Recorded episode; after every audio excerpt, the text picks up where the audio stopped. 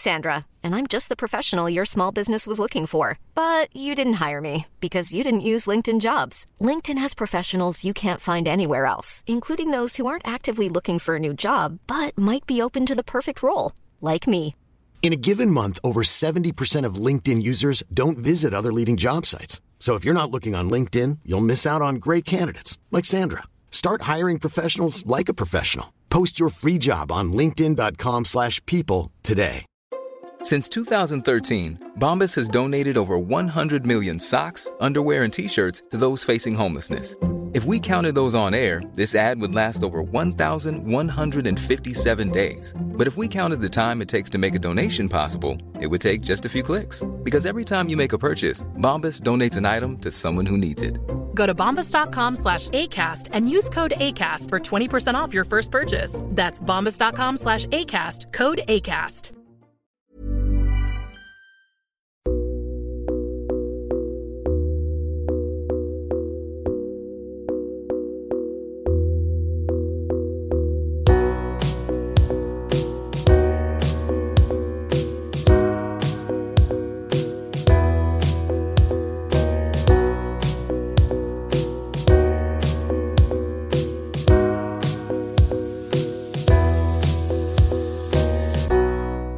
Du lyssnar på Säg vad du vill Åland, en lokal podcast med fokus på fria samtal. Jag heter Jannik Svensson och producent för podden är Didrik Svan. Vår podd består av mastodontsamtal. Vi vill ha långa samtal eftersom vi då får chansen att verkligen gå in på djupet. Idén är att fokusera på fria samtal. Det här är ingen debatt eller någon form av duell där det finns en vinnare och en förlorare. Det här är ett samtal där vi lägger fördomar åt sidan och där målet är att minska polariseringen.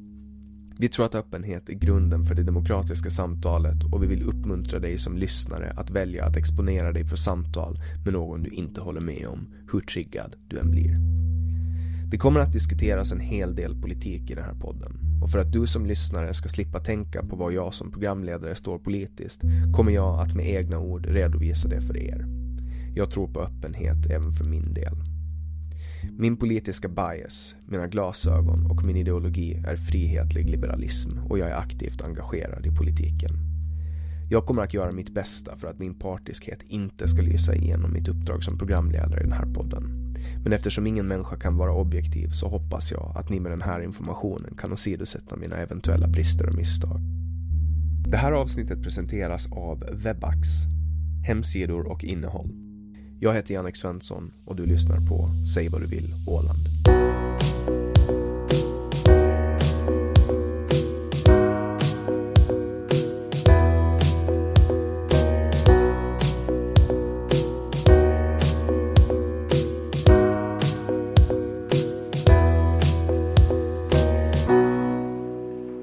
Christian Wikström är beteendevetare och studerar företagsekonomi. Han jobbar sedan januari som partisekreterare i Obunden samling här på Åland. Han har tidigare ansvarat för integrationen i en mindre svensk kommun. Han har även jobbat som socialsekreterare i Hammarlands kommun och satsar nu på att komma in i lagtinget. Välkommen hit Christian. Tack så mycket. Hur, eh, hur lärde du och jag känna varandra? Eh, vi lärde känna varandra på Landica Debatt. Eh, vi träffades där, jag stod vid en monter, du stod vid en monter och så började vi prata. Det stämmer. Och du har ju varit borta ålänning nu i tio år. Jo, jo jag har bott i, i Sverige i tio år. Jag flyttade tillbaks här 2017. Eh, flyttade bort från Sverige eh, direkt efter att jag gick ut Lusse då. Just det. Vad studerade du då? No, först så studerade jag bara kurser, jag studerade filosofi. Eh, sen hoppade jag på lärarprogrammet, läste två och ett halvt år samhällskunskap och, och engelska var tanken. Men, men eh, situationen för lärare i Sverige är inte jättebra. Va? Så att eh, jag bestämde mig för att inte göra det längre. Det finns väl jobb för lärare, men det är väl kanske inte så kul? Eh, Precis, alltså det var för några år sedan var eh, att, att bli antagen på lärarprogrammet i Sverige så behöver de ha 0,1 på högskoleprovet. Eh, så att det säger ganska mycket om, om situationen. Och för att förklara den oinvigde, vad innebär 0,1? Ja, det, det är svårt att få 0,1, det är väl det sämsta du kan få på högskoleprovet. Så att även om du bara chansar på, på alla frågor så, så borde du få mer än 0,1. va. Det är alltså inte så höga kompetenskrav, kompetenskrav för att få... Det varierar säkert från skola till skola, va? men, men eh,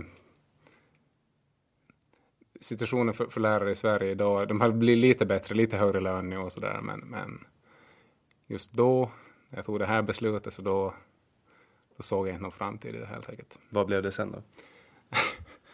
ja, man har en lite snårig väg. Sen så gick jag... Snorig väg? Snårig, snårig. du har gått och så har det blåst och så har du fått en massa snår. Nej, jag, jag, jag gick, eh, gick ett år på apotekarprogrammet i Göteborg sen.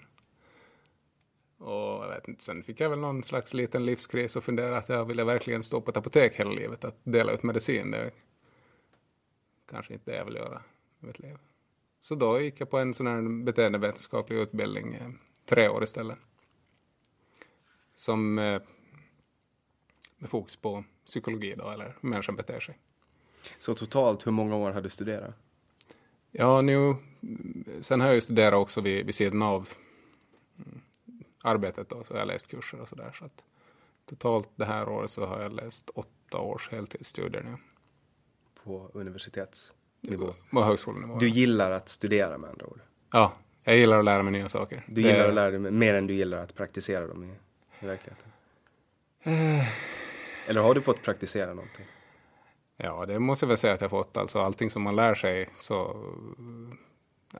ja, så använder man ju på något sätt, tänker jag. Speciellt när man lär sig om människor och hur människor fungerar. Och om man läser saker som filosofi så lär man sig att tänka kritiskt. Mm. Så att eh, det är väl någonting som jag, ja, det gör jag mycket av. Mm. Ifrågasätter. Och, och, innan du kom tillbaka till, till Åland, vad gjorde du då? Var det då du var i Sverige och jobbade med integration? Precis, jo. Eh, när jag klart den där utbildningen då på, på tre år eh, till beteendevetare så, eller under, under tiden som jag studerade så fick jag arbeta där på, på ett boende i, i den här kommunen som jag bodde i. Jag säger inte var jag bodde nu utan, utan eh, i och med att det kan komma fram lite känsliga saker så, så väljer jag att inte göra det. Så en, en mindre svensk kommun? Då? En mindre svensk kommun, ja. Ungefär lika stor som Jomala kan man säga. Man kan ha det i huvudet när man tänker på det här. Så då fick jag jobb där. Jobbade först på, på golvet som, som integrationsmentor. Då. På ett, ett hem för nyanlända då? Eh, ja, ett HVB-hem eh, för ensamkommande flyktingbarn. Vad står HVB för? Mm, HVB står för hem, hem för vård och boende. Det är en, eh, en lagstiftning som, som finns i Sverige som motsvarigheten i Finland är väl en skyddshemsboende, men det är inte alls lika rigoröst här i Finland som det är i Sverige. I Sverige är det väldigt regelstyrt det här. I alla fall det är min uppfattning när jag har jämfört de här två lagstiftningarna mm. med varandra. Och ja. Så, du, jobbar, du jobbar på golvet där och det här var, var det här under eh, flyktingkrisen eller var det? Det var före flyktingkrisen eh, som, som jag jobbade där. Ja, totalt så har jag väl nästan varit fem år där i, i den verksamheten. Först då på golvet och sen så blev jag befordrad till föreståndare och sen när den här krisen växte så då så fick jag ta ansvar för, för kommunens mottagning. Då. För hela integrationen i kommunen? I huvudsak för, för boendena för ensamkommande flyktingbarn, men vi var ju som delaktiga i en... Eh, de vuxna, så, så framförallt, de går, det ser inte ut riktigt som här, som det gör här, utan man, man går framförallt och studerar och så är det en praktik kopplat till det. Det är inte jättemånga människor som jobbar med det. Mm. Så, så under, under den här perioden då flyktingkrisen, det måste ju ha varit otroligt lärorikt att, att jobba under den, alltså intensivt, lärorikt. Ja, eh, det var, det var intressant, eh, utmattande, skrämmande eh, och lärorikt, ja absolut, allihopa. Varenda människa i hela Sverige och hela Finland och hela Åland har ju åsikter när det kommer till integration, men väldigt få Eh, är helt invigda i begreppet. Skulle du vilja inviga oss i begreppet integration från, från en professionells perspektiv? Vad är integration? Ja, det, det kan jag göra. Jag var, eh, man brukar prata om, om, integration eller assimilation. Det är en sån här vanlig uppdelning som man brukar prata om. Antingen har vi integration eller så har vi assimilation. Eh, jag ska förklara bägge begreppen så att man vet lite vad vi pratar om. Men uh, när man pratar om assimilation så är den populära eh, det populära sättet att, att uttrycka sig om assimilation är att det handlar om att man ska foga samman, att man ska smälta samman totalt, anpassa sig och, och under valrörelsen i Sverige så var ju det väldigt, det klassades ju väldigt rasistiskt att prata om assimilation mm. därför att då tar man ingen hänsyn till den andra kulturen. Mm. Det är ungefär det här, de här begreppen är ganska komplicerade och, och, man kan säga, eller för mig, integration är väl ett begrepp som inte har en, en konkret definition. Ska jag säga, men, men, för mig så är i alla fall så integration det är när man, när en, en, en annan kultur, eller det behöver inte vara en annan kultur, men nu pratar vi om, om, om flyktingar i huvudsak så. När man kan ha kommit till den graden i samhället att man, man förstår samhällets normer och värderingar och kan agera i enlighet med dem. Eh, och bete sig på ett sätt som är accepterat i samhället. Eh, då, då, har man, då har man integrerat. Eh, det betyder inte att, att, du tappar din egen kulturella bakgrund. Det gör det inte, utan du, du kan ha båda på samma gång. Eh, man förstår sig på hur människor ja. beter sig, allt från handskakningar ja. till religiösa ritualer. Ja men precis. I alla fall grunderna så att man kan fungera i samhället. Alltså handskakning är ett väldigt bra exempel som du tar upp. För att, eh, att skaka hand det är ju inte någonting som är, som är självklart i hela världen. Det är absolut inte. Det är någonting som vi, som vi övar en hel del med de som, som kommer. Att hur skakar man hand? För att skaka hand det säger mycket om en person. Eh, I alla fall tycker jag det. Att, att när man får en hand, om man skakar hand, så känner man okej okay, den, om, det är en helt slapp hand bara då, då. Ja, det finns ju en del kulturer där man liksom för händerna samman och så bugar man ja. som hälsning. Liksom. Och det kanske skulle vara ett bättre sätt att hälsa på med tanke på att vi sprider väldigt mycket smittor när vi håller på att kläta varandras bajsiga händer mot varandra. ja, eh, det finns väl flera olika sätt att hälsa på. Det är väl inte en, jag vet att det var en sån här debatt i Sverige om att ja, i Sverige skakar vi hand. Ehm, jag tycker väl inte att det är den mest avgörande frågan, att, att, att alla måste skaka hand med varandra. Ehm, men hur som helst, det är integration. Va? Att, eh, och sen hur man drar dit, det är en helt skild debatt. Sen så ska jag inte säga att, att, integration, man kan inte uppnå fullständig integration, utan det måste finnas ett mått av assimilation i den processen. Det, och det kan till exempel vara, vad, vad, hur, skulle du, hur skulle du definiera assimilation? Alltså assimilation, det är ju när du, när du tar, eh, om, om om det kommer en människa hit och har med sig en viss typ av, av erfarenhet och viss typ av traditioner som den är van att använda i, hemla, i sitt eget hemland. Nu kanske blir det nya hemland det här. Så, så finns det vissa, eh, i, i, min åsikt, så finns det vissa eh, traditioner som, som inte är förenliga med, med, med vårt samhälle. Som till exempel månggifte. Ja, det är förbjudet. Det är förbjudet, absolut. vi pratar ofta om att man ska förhålla sig till lagar och regler. Att vi måste följa finsk lag då, eller svensk lag. Och det är just det som betyder att när man, man skulle lika gärna kunna prata om assimilation av, av värderingar. Va? Mm. De, de värderingar som finns, som säger att, att månggifte till exempel är en statussymbol, de måste bort. Eh, det, det, tror jag att vi kan enas om, eller det, det, det är min, min, egen personliga övertygelse i alla fall. Att vi måste, vi kan vara toleranta med, med vissa saker så, så kan vi inte mutta på. Förstår du vad jag menar? Ja. Alltså det är ju okej att ingå i polygamiska förhållanden ja. i, i, i, i Norden. Liksom. Absolut. Man får göra, men man får inte slå samman sin ekonomi med flera personer. Och, och, inte enligt kyrkan heller. Nej, precis. Barnäktenskap är en annan sak. Det accepterar vi inte. Tvångsäktenskap. Nej. Man, kan väl få, man kan väl få tillåtelse av, av republikens president att ingå förhållande om man är 16. 16-17. Tror jag. jag. jag. har för mig det. Ja, precis. Jag, jag, är inte, jag inte, kan inte det där helt och hållet. Jag kan ha fel, ja. men, men jag, tr jag, tror att, att presidenten kan godkänna minderåriga för, för, eh, om det är två minderåriga som vill gifta sig.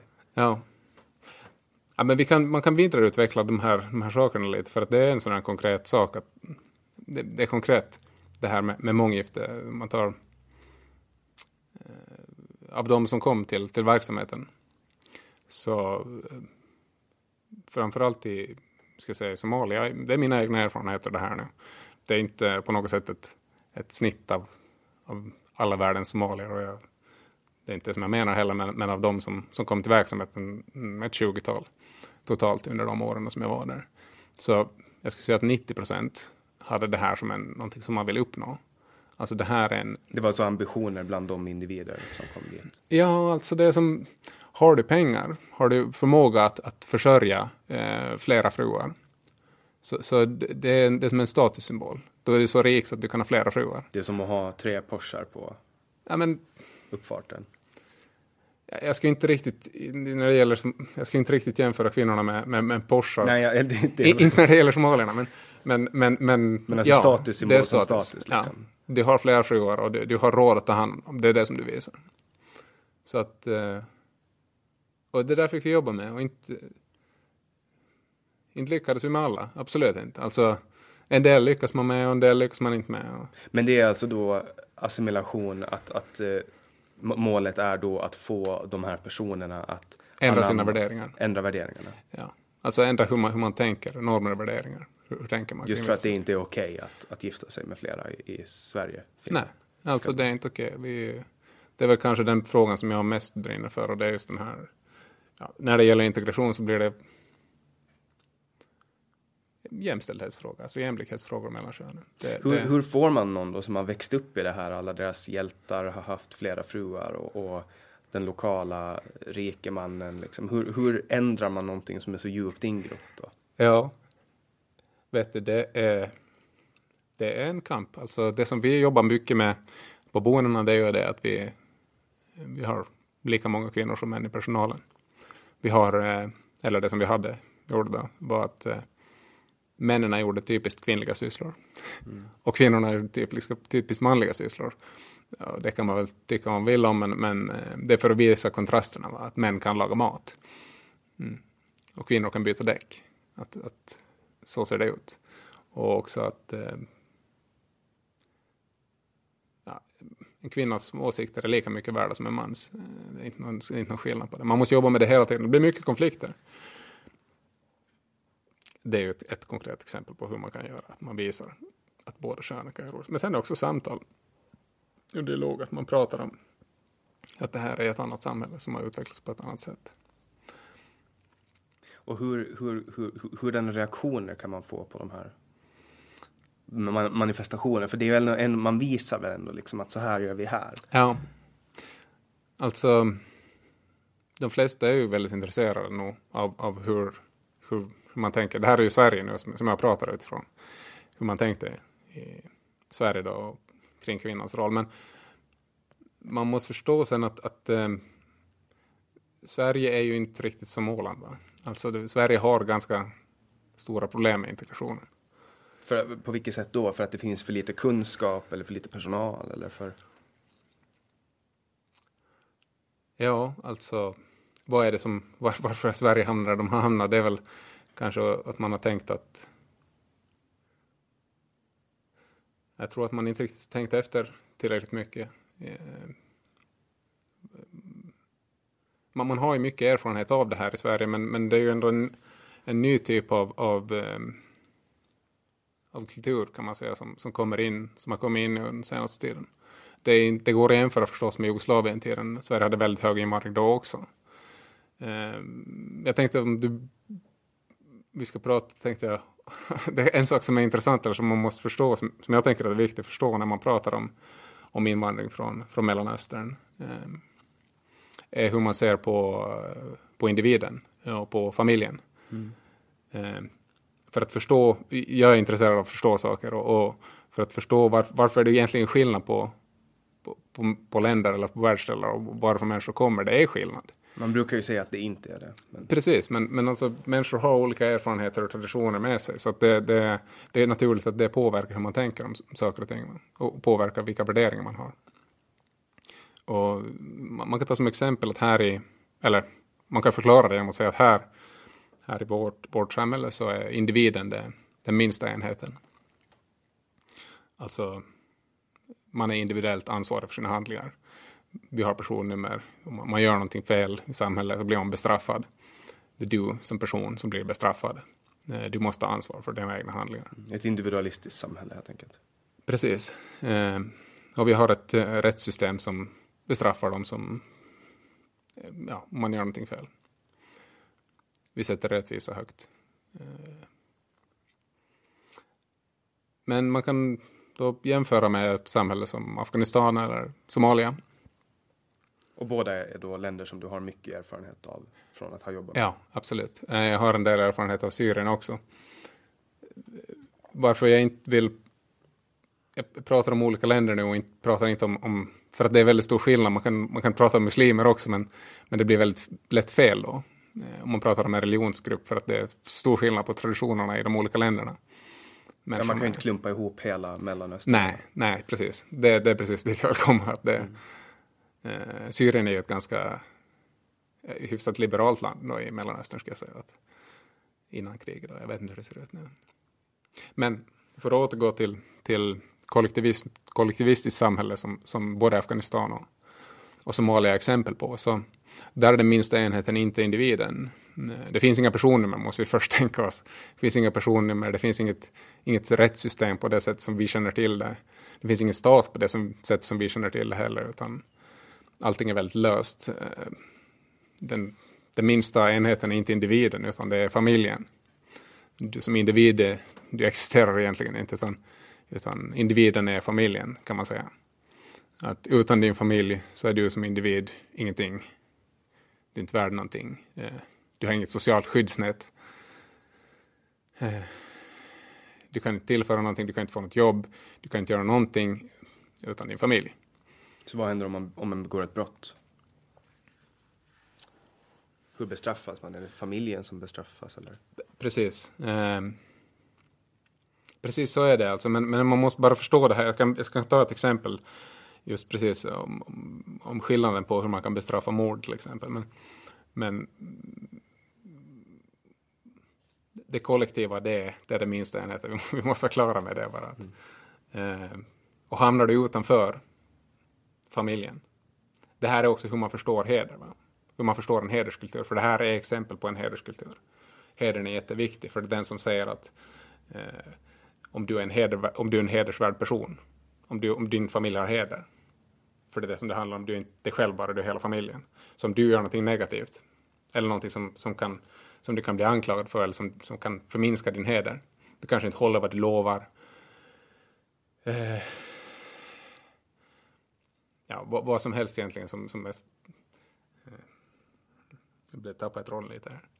Eh, man, man utför någon form av handling som, som Eh, som är klandervärd helt enkelt. Ja. Eh, så det kan vara, för en kvinna så kan det vara att man, man, man visar sig ute med för lite kläder. Eller man går ut utan en man, eh, för en man måste följa med om man ska gå ut.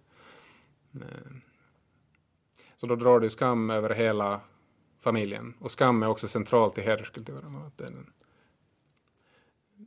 Och om du är en familj med mycket heder, så då då är det, alla tror på dig. Va? Och heder är alltså social status? Ja, man kan säga det som, en, det är som social status, precis. Det är exakt det det är, social status.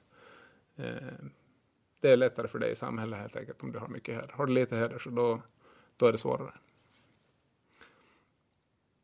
Mm. Det, beror, det påverkar vilka jobb du kan få, om du kan ta lån, om du inte kan ta lån och så vidare. Eh, så det är mycket sådana här tänk, eh, vad ska grannarna tänka, tänk. Mm. Att eh, den känner man ju igen. Man känner igen den. Ja. Kanske inte riktigt på samma sätt att det är hela familjen som... Nej, alltså vi, vi känner igen det. Det är väl något, någonting mänskligt också att vi jämför oss med varandra och tittar på varandra. Men, men inte riktigt på det här viset. Vi har ju ändå ett socialt skyddsnät här. Även om vi hamnar utan vår, för vår familj så kan vi flytta härifrån. Vi kan, vi kan få ett annat jobb någon annanstans. Om man tittar på meriter mycket. På dina individuella meriter. Eh, ja, det blir väl en viss jag hoppas man förstår lite skillnaden mellan de här olika sättet att se på, på människorna och, och samhället. För samhället byggs ju också upp på det där. Va? Det är det sociala skyddsnätet. Det finns inte någon äldrevård på det viset, utan man tar hand om sin egen familj inom familjen. Så hamnar du utanför så har du ingenting. Du vill inte hamna utanför, helt enkelt. Man, man är körd. Precis. Och det, det är så man, man också kan det är så man också kan förstå de här sakerna som har hänt, som man har hört om. Ja, men okej, men varför finns hedersmord till exempel? Varför finns det? Varför existerar det? Det är avskyvärt tycker jag också. Men, men varför existerar det? Ja, men, för att, för att, att, minst, att din heder ska minska i ett hederssamhälle som, Så det, det, är i princip det värsta som kan hända om du förminskas jättemycket. Det måste du undvika. Det, individen är inte värd någonting, utan det är familjen som är värd. I förhållande till hedern? Ja, det, det, det är det som är det viktigaste. Vinner man tillbaks hedern om man till exempel utför ett mord på en familjemedlem som har äventyrarens heder status? Eh, jag skulle inte säga så att, att det är så. Eh, jag är ingen expert på, på hedersmord. Eh, men, men jag skulle säga att det är, inte, det är olika beroende på vad man har för bakgrund och, och kultur. Helt enkelt. Att det, det är säkert inte på alla ställen som, som det är okej att mörda för att eh, återställa hedern. Men, men säkert i vissa extremare. Mm. Så, så om man i ett sånt här eh, kollektivistiskt samhälle utför ett mord, ja. hur, hur, kan det bestraffas då om man inte har rättegångar och så? Ja, eh, jag kan ta ett exempel från, från eh, som det är en, en, en, en, jag började faktiskt prata om det här med, med en, av, en av de boende i, på ett av att hur bestraffar man mord, det var han som frågade mig. Så, så berättade jag att jo, okej, men förklara hur man bestraffar det här ungefär, att man kan få fängelse. Och, ja, det är väl det som är normen.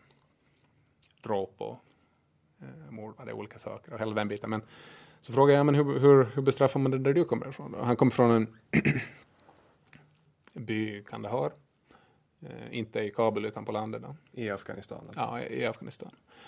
Eh, och han berättade att, ja, nej men, att jag har varit med om en sån här sak och då så det finns inte någon domare, det finns inte någon åklagare, det måste man förstå. Att.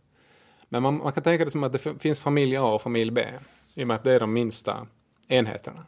Så bestraffar man inte individen utan man bestraffar kollektivet. Och så att familj A har eh, tagit livet av någon från familj B. Så då är det ett, ett äldre råd, alltså äldre herremän med mycket heder, som, som beslutar över familj, vad, vad ska det bli för straff för familj A. Och de här bor i byn? Gubbar som bor i byn liksom? Precis, eller i närområdet. Det är som så det ser ut. Familjer med mycket heder får också göra sådana här saker. Eh, och då, eh, familj A kan, till, mannen där kan till exempel måste ge sin, sin yngsta dotter till familj B. Och dottern då blir, eh, blir mer eller mindre som en, en slav i familj Bs eh, hushåll då, eller som man får göra lite vad de vill med. Och då kanske man undrar att men hur är det här ett straff om inte ens individen själv blir bestraffad? Och det är inte... Man tar inte livet av, av mannen heller, det kan man säkert göra i vissa fall, men, men det är faktiskt ett betydligt värre straff ur ett sånt här kulturellt perspektiv då, att, att göra på det här viset, för att straffet består i att, att varje gång som, som, eh, som familj A då ser sin sin dotter, inom parentes då, familjens dotter, leva i, i familj Bs hem och de förstår vad, vad hon blir utsatt för. så, så uppstår det en, en skam, va? eller en, en, skuld. Och det här är både då jobbslaveri och sexslaveri?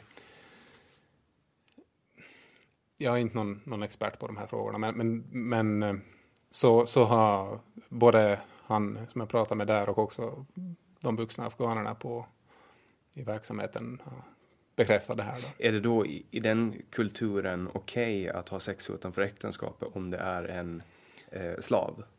Alltså inte egentligen. jag skulle inte säga det. eh.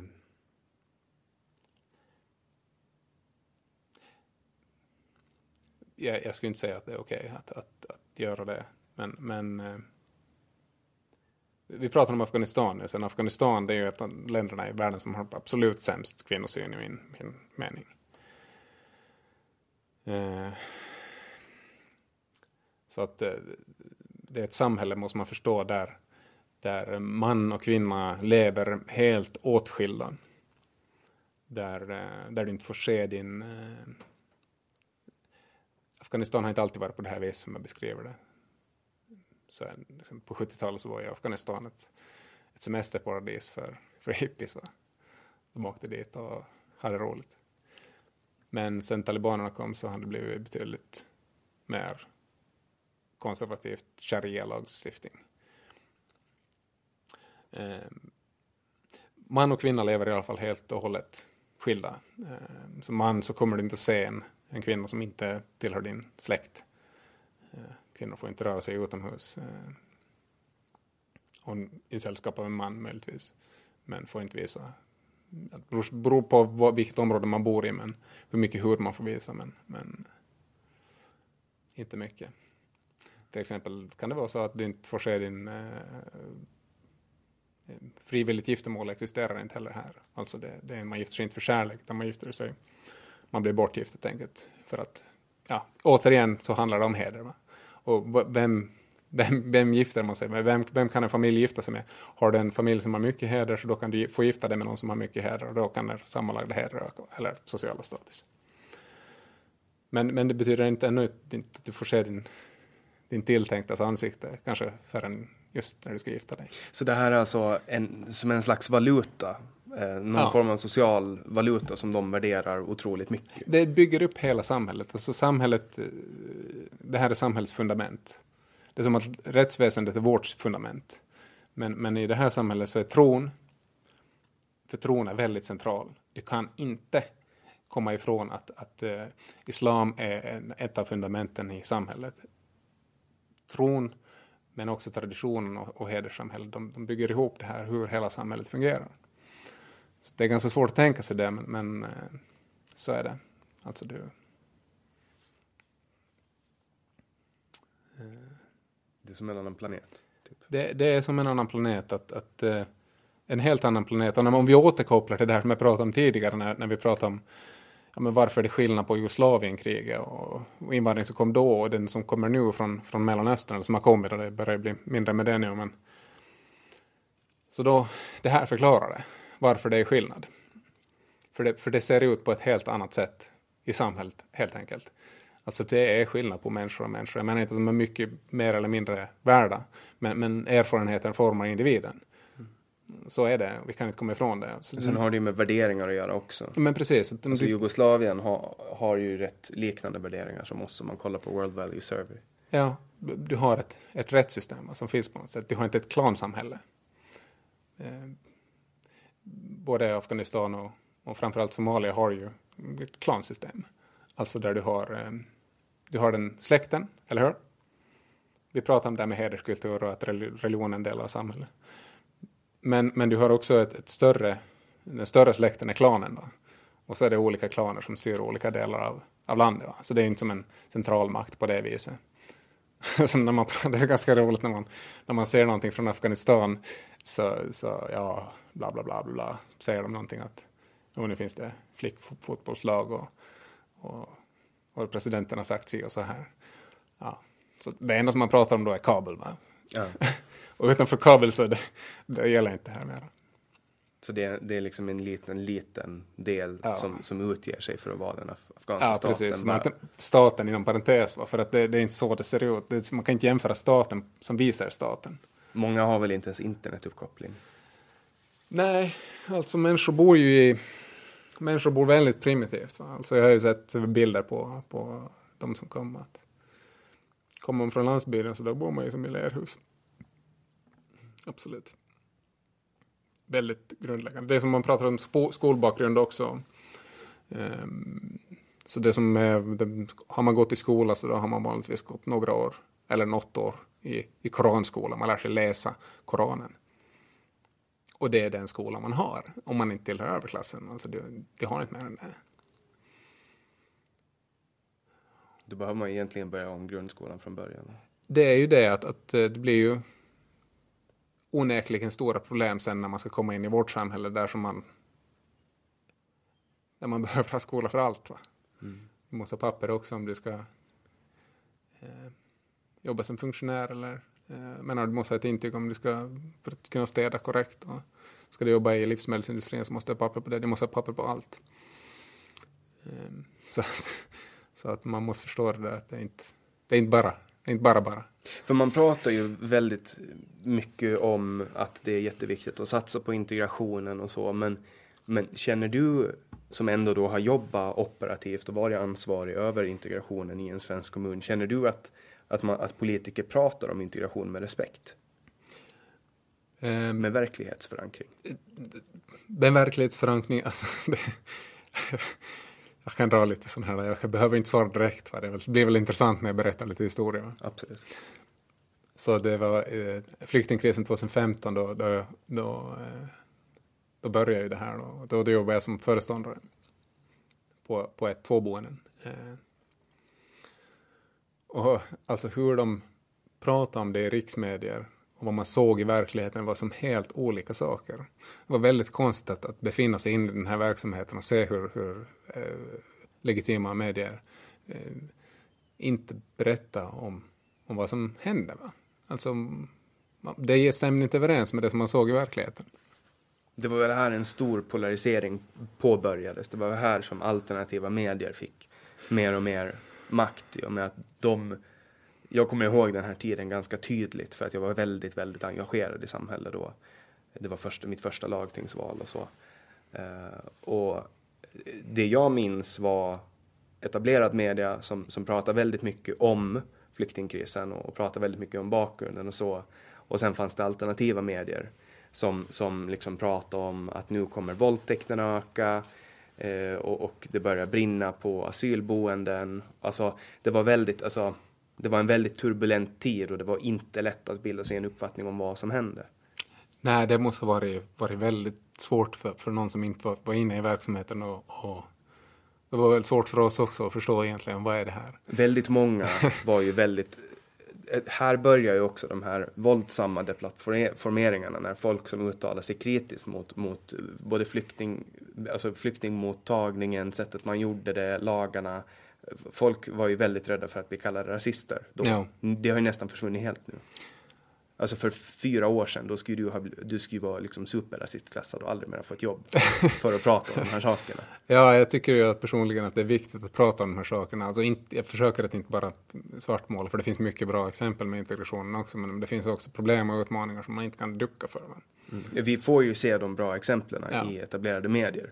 De, ja. Alltså, det får man ju. Det, det, är ju Aftonbladet och Expressen har lyft nu på senare år har de börjat lyfta upp liksom stora granskningar. Ja. Eh, där man har gjort exakt det man anklagar folk för att göra förut. Alltså peka ut folkgrupper. Ja. När man sa att till exempel personer från Afghanistan var si och så. Eh, då blir ju de väldigt arga. Alltså mm. jag tänker på typ alltså Aftonbladets ledarsida till mm. exempel. Och, och så. Men nu, är det ju, nu har ju de själva liksom journalistiskt börjat granska de här grejerna och ja. gör exakt det de var arga på att folk anklagar för förut. Ja, alltså problemet blir ju att, att det bildas um, det bildas subkulturer i samhället när, det, när inte integrationen fungerar. Alltså människor vill dra sig till varandra men, men som har liknande erfarenheter som man själv har. Det ser vi själva om vi åker utomlands så finns det de här små Sverigebyarna, där finns Sibylla och allt det här. Va? Eh, vi far dit, för där kan vi prata svenska för vi är i Thailand eller var vi nu är. Och eh, det är inte någon större skillnad på när det kommer människor hit från, oavsett om man kommer som flykting, arbetskraftsinvandring eller varför man kommer, man drar sig till sådana människor som har liknande erfarenheter och bakgrund som en själv. Okej, okay, men fungerar inte integrationen då? Så då har du en, grupp med människor som har radikalt annorlunda värderingar, syn på kvinnan till exempel, eh, som, som inte känner igen sig i, i samhället där de befinner sig. Och då söker de sig till varandra. Och det är då som de uppstår de här stora områdena där vi har mycket boendesegregation i, i Sverige. Det finns Ut, ju... Utanförskapsområden helt enkelt? Utan, ja. Bo, ja, exakt. Boendesegregation. De är ju innanför för, för sig själva kanske. Ja, de, de... Men utanför ur, ur, vårt perspektiv. Precis, alltså där bildas det som, som en egen, ett eget samhälle då, med sin egen, som, som liknar samhället där, där man kommer ifrån. Eller mer eller mindre, alltså kvinnorna fortfarande kan bli inlåsta i lägenheten förtryckta på det viset. Um, så, att, eh, så att det, måste man, det måste man ha koll på när man, när man gör det här. Va? Man måste utvärdera det regelbundet. Det är något som vi gjorde i, i kommunen också där, där jag var anställd. Att vi, vi utvärderar hur gick det för oss egentligen. Varje år så hade vi en rapport som vi måste ta upp till, till kommunfullmäktige. Va? Så här går det med integrationen. Ja. Och för att visa liksom att men vi skapar inte märker vi att det, att det inte fungerar, att vi inte får ut människor i arbete, att vi inte får ut människor, så då, då ökar ju segregationen. Man. För kommer man inte in i arbete så ju längre som du är utanför arbete också inte en del av samhället så, så ju svårare blir det att ta sig in igen. Det är helt vedertagen kunskap, det är inte något, något radikalt så. Men... Så är det ju för långtidssjukskrivna också. Nej men precis. Eh, precis. Och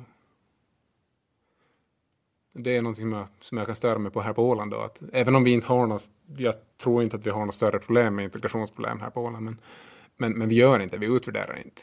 Vi har inga siffror på det här. Det, det, det, känns för mig helt befängt att vi inte gör det. Det förvånar mig att höra. Det, det, det är väldigt konstigt att vi inte gör det. Jag, jag, tror att det finns, jag tror inte att, att jag är på något sätt radikal när jag säger så här, men jag tror att, att de människorna som också arbetar med det här skulle, skulle gärna se, skulle se siffror på det här. Alltså hur, hur går det för oss? För att det är intressant att veta. Gör vi ett bra jobb? Gör vi inte ett bra jobb? Behöver vi göra någonting annat för att lyckas bättre? Eh. Vi mäter ju nästan allt annat. Vi mäter ju allt annat. alltså, eller Men du är helt säker på att man inte mäter det alls här på Åland? Ja. Eh, det är alltså kvalitativa mätningar. Man, man, jag tror att det var någon undersökning, det var inte så länge sedan nu som jag läste, som handlade om att, eh, men det handlar då bara om att man, man frågar människor som har, som har varit en del av alltså kvalitativt. Man frågar vad kan vi göra bättre till nästa gång och de som svarar så tog man upp. Och så. Det är också en typ av utvärdering men, men siffror säger på något sätt mer. Då kan man säga, men okej, hur många, hur många kvinnor? Det finns, har, vi någon, har vi ett jämställdhetsproblem här? Har vi fler kvinnor som är utanför arbete än män? Jag antar det, för, för så är det i Sverige. Mm. Och vad kan vi göra åt det i så fall? Eh. No, vi behöver inte prata mer om det, det är ju en en sak som jag vet inte hur viktigt det är. Men, men det är något som man skulle kunna göra i alla fall. Det, man, man förstår inte varför man inte gör det. Kanske blir en av dina frågor till lagtingsvalet. Ja, jag skulle vilja att man gör det. Eh, det, det känns självklart att man ska göra det. Mm. Känner du att, att åländska politiker har tillräckligt bra koll på det här med integration? Jag tror att om man om man har bott i Sverige och jobbar med integration så har man en annan...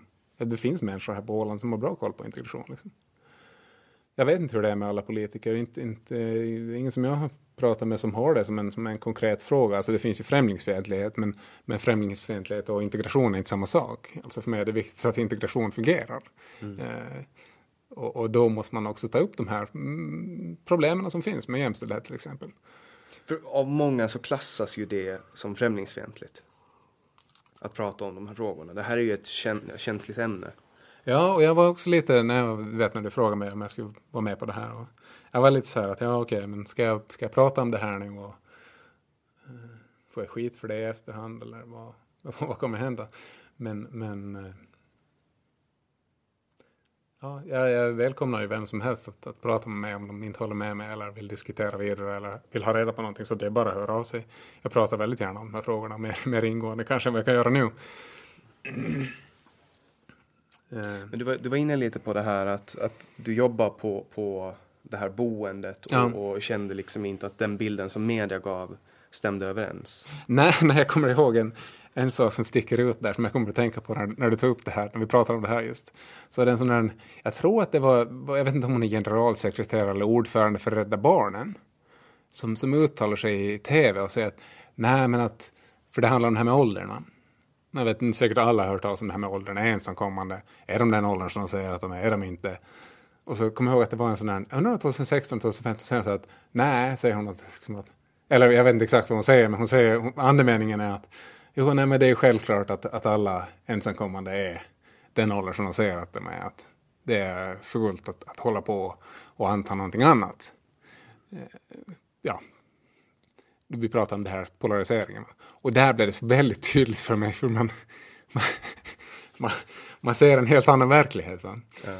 Alltså det är inte, jag kan säga att alla som har arbetat med i en verksamhet med, med ensamkommande flyktingbarn så känner till det här problemet. Alltså på, på, på, eller problem och problem, ja det är ett problem också men att folk, att folk ljuger om sin ålder för ja. att få bättre behandling. Ja, precis. Alltså det är ju någonting mänskligt. Är problemet är väl snarare att man har skapat incitament ja.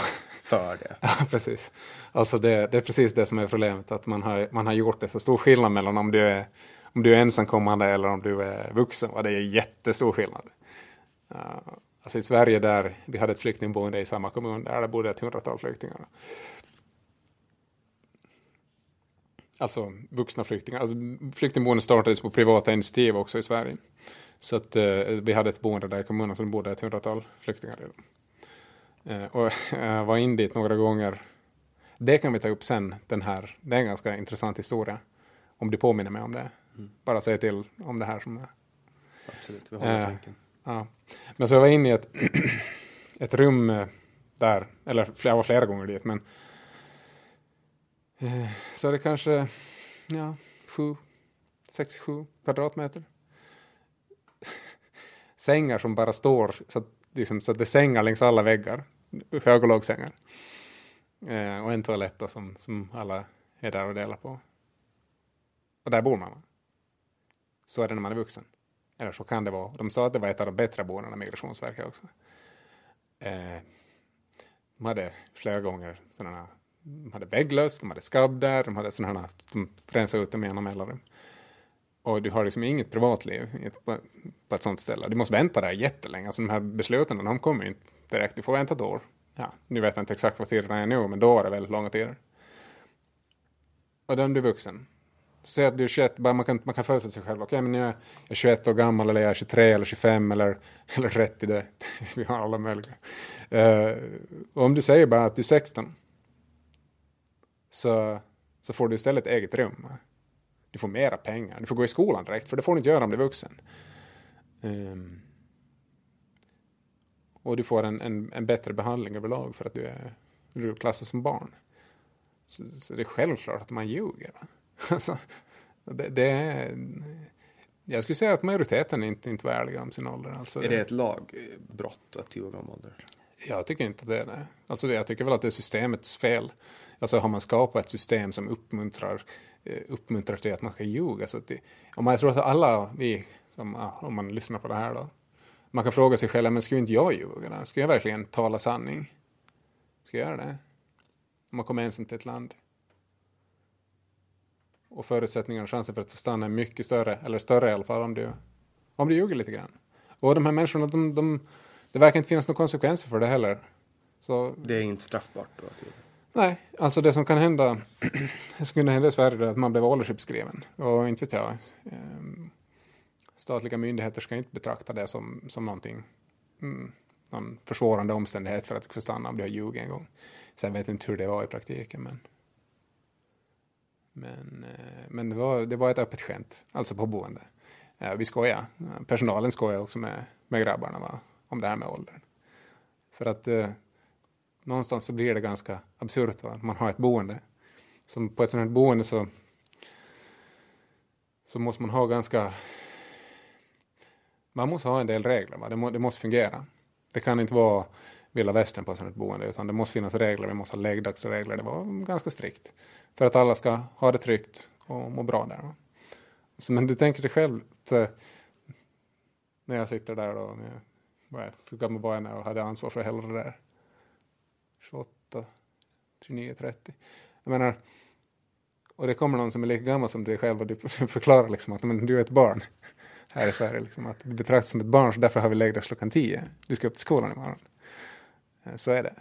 Eh, så det är klart att det blir lite konflikter. Efter ett tag så förstår de att det här är ju ett spel som, ja. som de får vara med och spela. Men du måste, ju, du måste ju alltså då sitta och låtsas.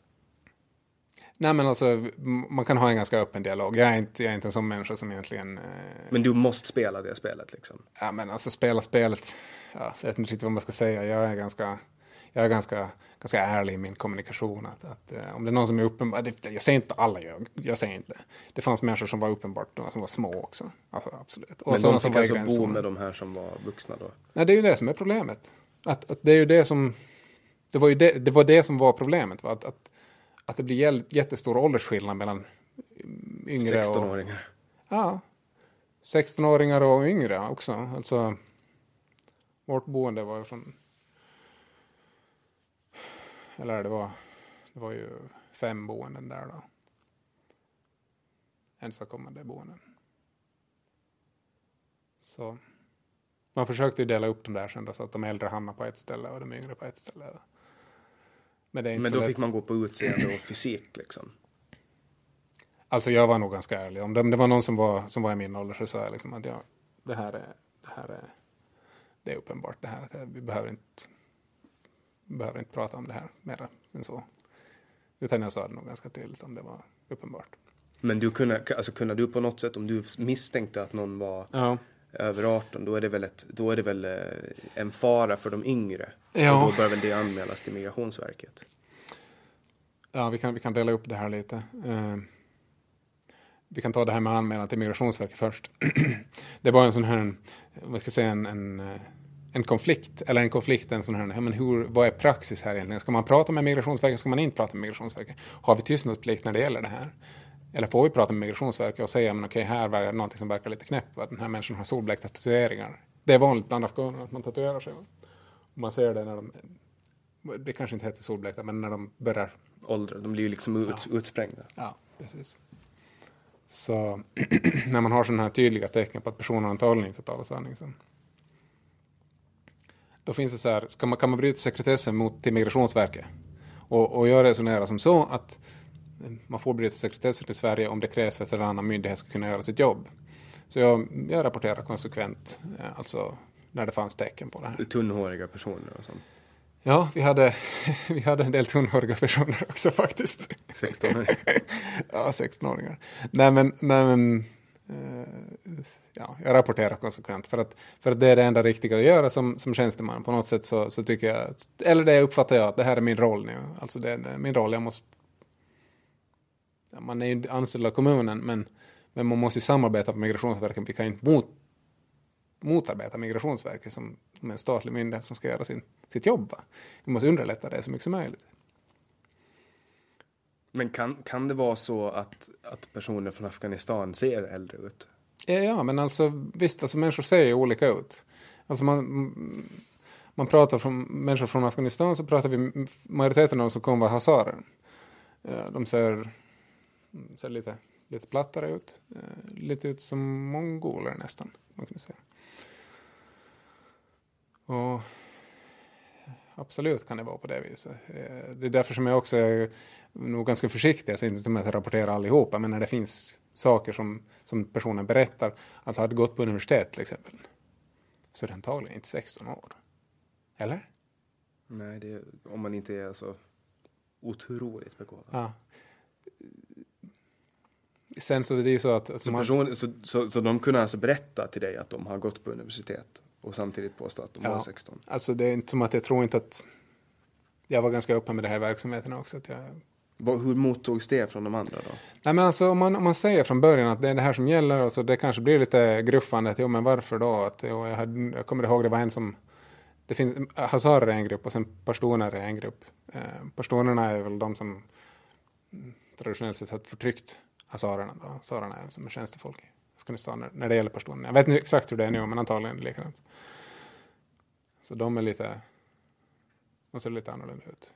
Eh, men jag kommer ihåg att jag hade ett samtal med en, en pastor där, som var väldigt, väldigt bildad och väldigt, väldigt artig människa. Jag har bra minnen av om honom. Men han var ju min ålder, eller äldre.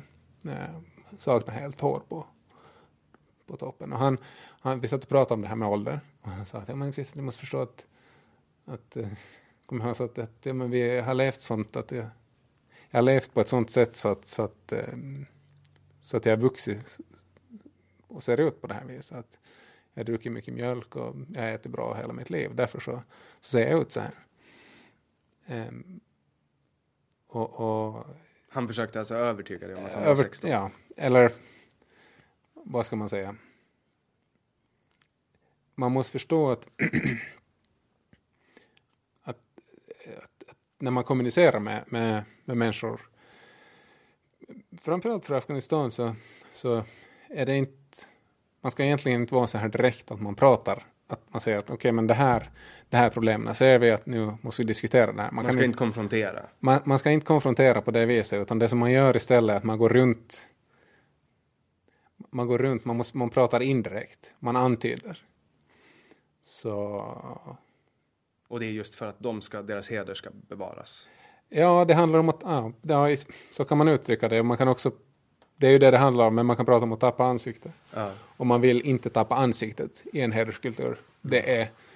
Eh, man, man vill inte tappa ansiktet och man vill inte utsätta någon annan heller för att tappa ansiktet. Så man försöker alltid att prata med varandra på ett sätt som gör att den andra kan, kan om den är fiffig, undvika att tappa ansiktet.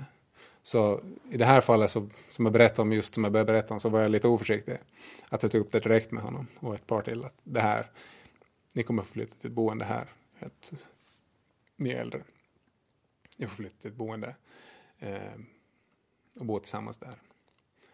Eh, och det var dumt av mig. Och man lär sig det här efter ett tag. Va? Man kan inte lära sig alla all de här sakerna när man ska bete sig direkt. Och det var så vi började dansa kring den här gröten då. Eller vad man ska säga. Där han försökte övertyga dig med att han har druckit mjölk. Och... Ja, alltså och det, det... Jag förstod det inte då. Eh, men jag förstår det nu vad jag gjorde, vad jag gjorde fel i dialogen. Va? För han accepterade det senare och det var inte ett problem. Vi hade ett bra samarbete. Men eh, anledningen till att de måste flytta där, det, vi pratade om det här med, med, mindre och äldre. Och det var ju en, ganska intressant att vi just kom till den här mjölkdiskussionen för, för, för, för det händer ju en del obehagliga saker i en sån här verksamhet. Det, det kommer man inte ifrån. Slagsmål? Och... Nej. Nej, vi hade, vi hade en väldigt... Eh, slagsmål hände inte ofta. Alltså, för att den här typen av verksamhet ska fungera så måste man vara väldigt konsekvent man måste vara ganska sträng också. Alltså, när det, varje gång som det har blivit ett slagsmål så då blir det sådär, du vet, då blir det en omflytt. Man fick flytta till ett annat boende, det är inte roligt. Eh,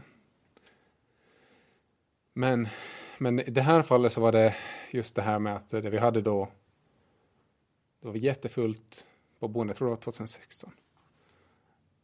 Ja, det var jättefullt på alla boenden och vi måste sätta in flera människor i varje rum. Va? Eh, för att det gick inte annars, det gick inte att klara av det här. Och, och man, man, kan inte, det är svårt att anställa personal också. Det är inte så här hur som helst att, att anställa människor. Man måste ha kompetens. Man... No, det vill gärna Inspektionen för vård och omsorg IVO att man ska ha bara soci, socionomer som arbetar men det, och psykologer och beteendevetare och allt möjligt. Men, men, men lönen är inte sån va, så att du får massa utbildade människor som vill jobba där. Så, så ni fick anställa outbildade? Då? Ja, majoriteten vanliga människor ska jag säga. Eh, men, men med det sagt så, så är det inte... Det fungerar bra verksamheten. Alltså, jag ska komma tillbaka till det här med vad som hände, men, men verksamheten fungerar bra. Alltså vi hade, det var kommuner, grannkommuner som kom dit och jag fick berätta hur vi hade organiserat verksamheten och varför den fungerar så bra. Vi hade så lite tillbud. Och vad är tillbud? Eh, tillbud är det som, som sker innan det blir en olycka kan man säga. Alltså en tillbudsrapport, något som man skriver när det är nära ögat. Mm jag menar, du har säkert hört talas om att det var ju någon som blev, eller var det flera stycken som blev mördade? Det var på något boende i alla fall. Ja, det var väl en, en i personalen som blev ja. knivhuggen. Ja. Så vi hade ingenting sånt, inget hot mot personalen. Varje gång som det uppstod någonting som liknades vid ett hot mot personalen så tog vi väldigt allvarligt på det. Så att... Eh, så någon form av avvikelserapport som... Ja, vi hade väldigt lite av den typen. Så, men hur som helst, under den här tiden så då blandades det de här herremännen.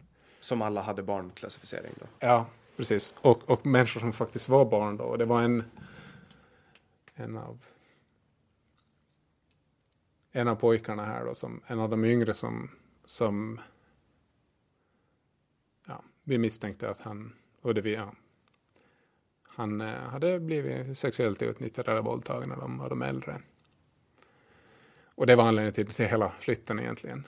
Eh, man måste förstå det, att när det gäller Afghanistan, som jag vet inte om du känner till det, men i vissa områden i Afghanistan så, nu kan jag inte säga idag, men, men det har varit, antagligen så är det fortfarande accepterat med, med pedofili. Eh, och, och, På grund av att undvika att män och kvinnor Nej, nej, jag skulle säga att det är som en konsekvens av, av att, att, att könen åt, lever åtskilda. Det heter Bachabasi.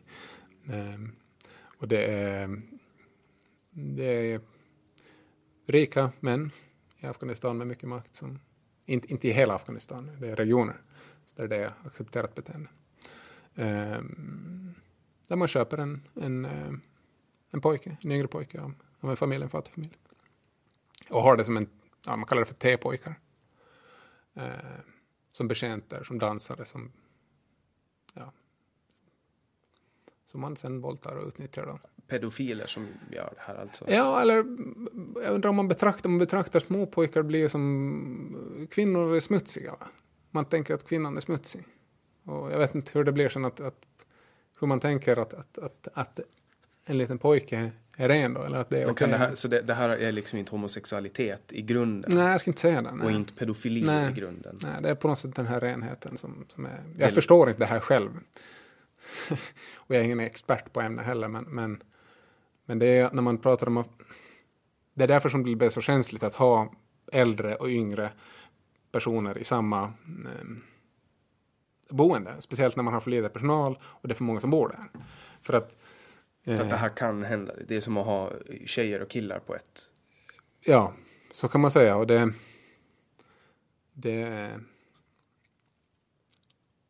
det är beklagligt. Alltså. Jag, är inte stolt över att det här hände på ett av boendena. Det, det, eller vi, Hur kom det fram då att, att det hade skett? No, no, det, inte han, det här är inte någonting som man alltid kan berätta heller det är mycket skam, men, men han, han, eh, han pojken, han, vi, vi manar oråd kring det här då, så, så vi flyttade de här och sen så började han berätta för en av en, en där på, på verksamheten att det här hade skett, eh, men vägra eh, gå vidare med det på något sätt. Så. Så vi löste den situationen. Jag ska inte gå in på den här situationen mera för att, för att eh, mm, jag får ändå inte prata på det viset att det kan utelämna någon. Så det måste liksom begränsa mig lite hur mycket jag kan fortsätta med det här. Även om personen inte är kvar i Sverige idag. Men, Men hur, pra hur pratar man om en sån här sak med föräldrarna? Om, om, om det finns föräldrar? Inne. Föräldrar finns inte. Det var alltså en helt ensamkommande, ja. utan släktingar, Nej. utan... Okay. Och, och, och, personen i fråga ville inte ens polisanmäla det här? Nej, det... det... Polisanmälde ni det? Alltså en, en polisanmälan som, dels att den här personen berättar inte det här till mig. Så det här är någonting som jag, och jag har försökt pra, prata med personen också, men, men om inte personen vill berätta det utåt, så, så det går inte att göra en alltså jag kan, då blir det som att jag anmäler en, en hunch, va? Det, det finns inte, jag kan inte göra det. Mm. Uh, men ni kan liksom psykologiskt märka att det är någonting i beteende som är fel. Personen har ja, absolut. det, men ni kan ja, liksom absolut. ta det vidare. Absolut, det, det, det märks på, på...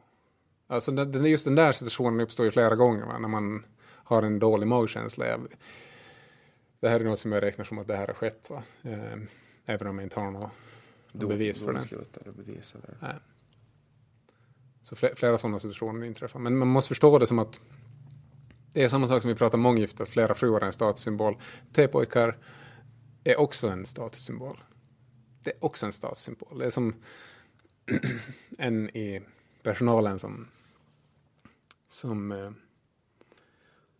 har väldigt god kännedom om Afghanistan. Han har jobbat där länge, hade jobbat där länge, som jag fick mycket information om. Så han menar på att varje gång som man träffar, han hade en, en framstående roll i, i, i brittiska militären. Eh, så han menar på att de, de här T-pojkarna är sådana som varje gång man träffar så berättade han för mig då att varje gång man träffade någon delegation så hade de T-pojke och, och visa upp den. Liksom, som, alltså i, inom utrikespolitik? I Afghanistan pratar I Afghanistan, okej, okay, jag tänkte. Nej, nej, inte, inte i Sverige. Men, men det, den, den sättet att se på... Man visar att det här har jag liksom? Ja. Typ som att man har råd att ha en bekänt? Ja, men ungefär. Och så hör det till att man ska eh, berömma då eh, det måste ha varit en väldigt besvärlig situation som den personen hade det jobbet alltså. Men uh, jag undrar om lyssnarna tappar bort sig lite vad vi pratar om nu, eller tror de följa med i det här samtalet? Jag tror det. Det märks att du har svårt att, att prata om de här situationerna. Ja, alltså det här är ju någonting som, jag tror jag sa till dig förut också, att, att när jag pratar om det här så, så är det ju som att det är ganska jobbigt för att det händer mycket skit. Va? Ja. Uh, och, och, och varje gång som man lyfter upp det och pratar om det så, så blir man ju tänka på det ett bra tag efteråt. Mm. Det är inte som att det bara försvinner. Det är som, det är som ett trauma. jag vet inte, jag tycker man slänger sig ganska lätt med de här begreppet trauma. Va? man pratar också ofta om att alla som kommer från krigszoner har trauma med sig. Och, och, de flesta människor behöver egentligen bara lugn och ro och rutin. Lugn och ro och rutin på, på vardagen. Så psyket kan läka mycket. Och det, det är som... Vi har ju haft krig och oroligheter i, i, i världen länge. Det är inte nu som det är massa krig och, och besvär som man behöver ha en psykolog för allting. Det är inte så. Utan lugn och ro rutin. Då funkar mycket. Och man har stor kapacitet att läka sig själv. Mm. Ja, och för att återkoppla till det här med trauma. Vissa som har verkligen trauma, och det märker man verkligen också om någon har stora besvär med posttraumatisk stress eller så. Men för dig då, blev det ett trauma för dig att se de här sakerna och vara maktlös inför att barn får illa, liksom, mm. sexuellt utnyttjade? Ja. Ja, det är det, ja, trauma, trauma, jag vet, är det trauma? Det var som, som min, min, äh, min, min sambo, hon frågade mig att, att varför är du så intresserad av det här med hederskultur och, och integration egentligen? Och, och, jag vet inte, kanske det har någonting att göra med det här att, att, att eh, just det här som man har varit med om. Man, man blir intresserad av det och man vill liksom eh, ja, man kan ju inte påverka hela länder, men man vill i alla fall att, eller jag vill i alla fall att, att här som jag bor, att, att det ska fungera så bra som möjligt. Jag vill inte att, att vi ska ha den här typen av och nu pratar vi om ensamkommande, det är inte riktigt samma sak som här förstås.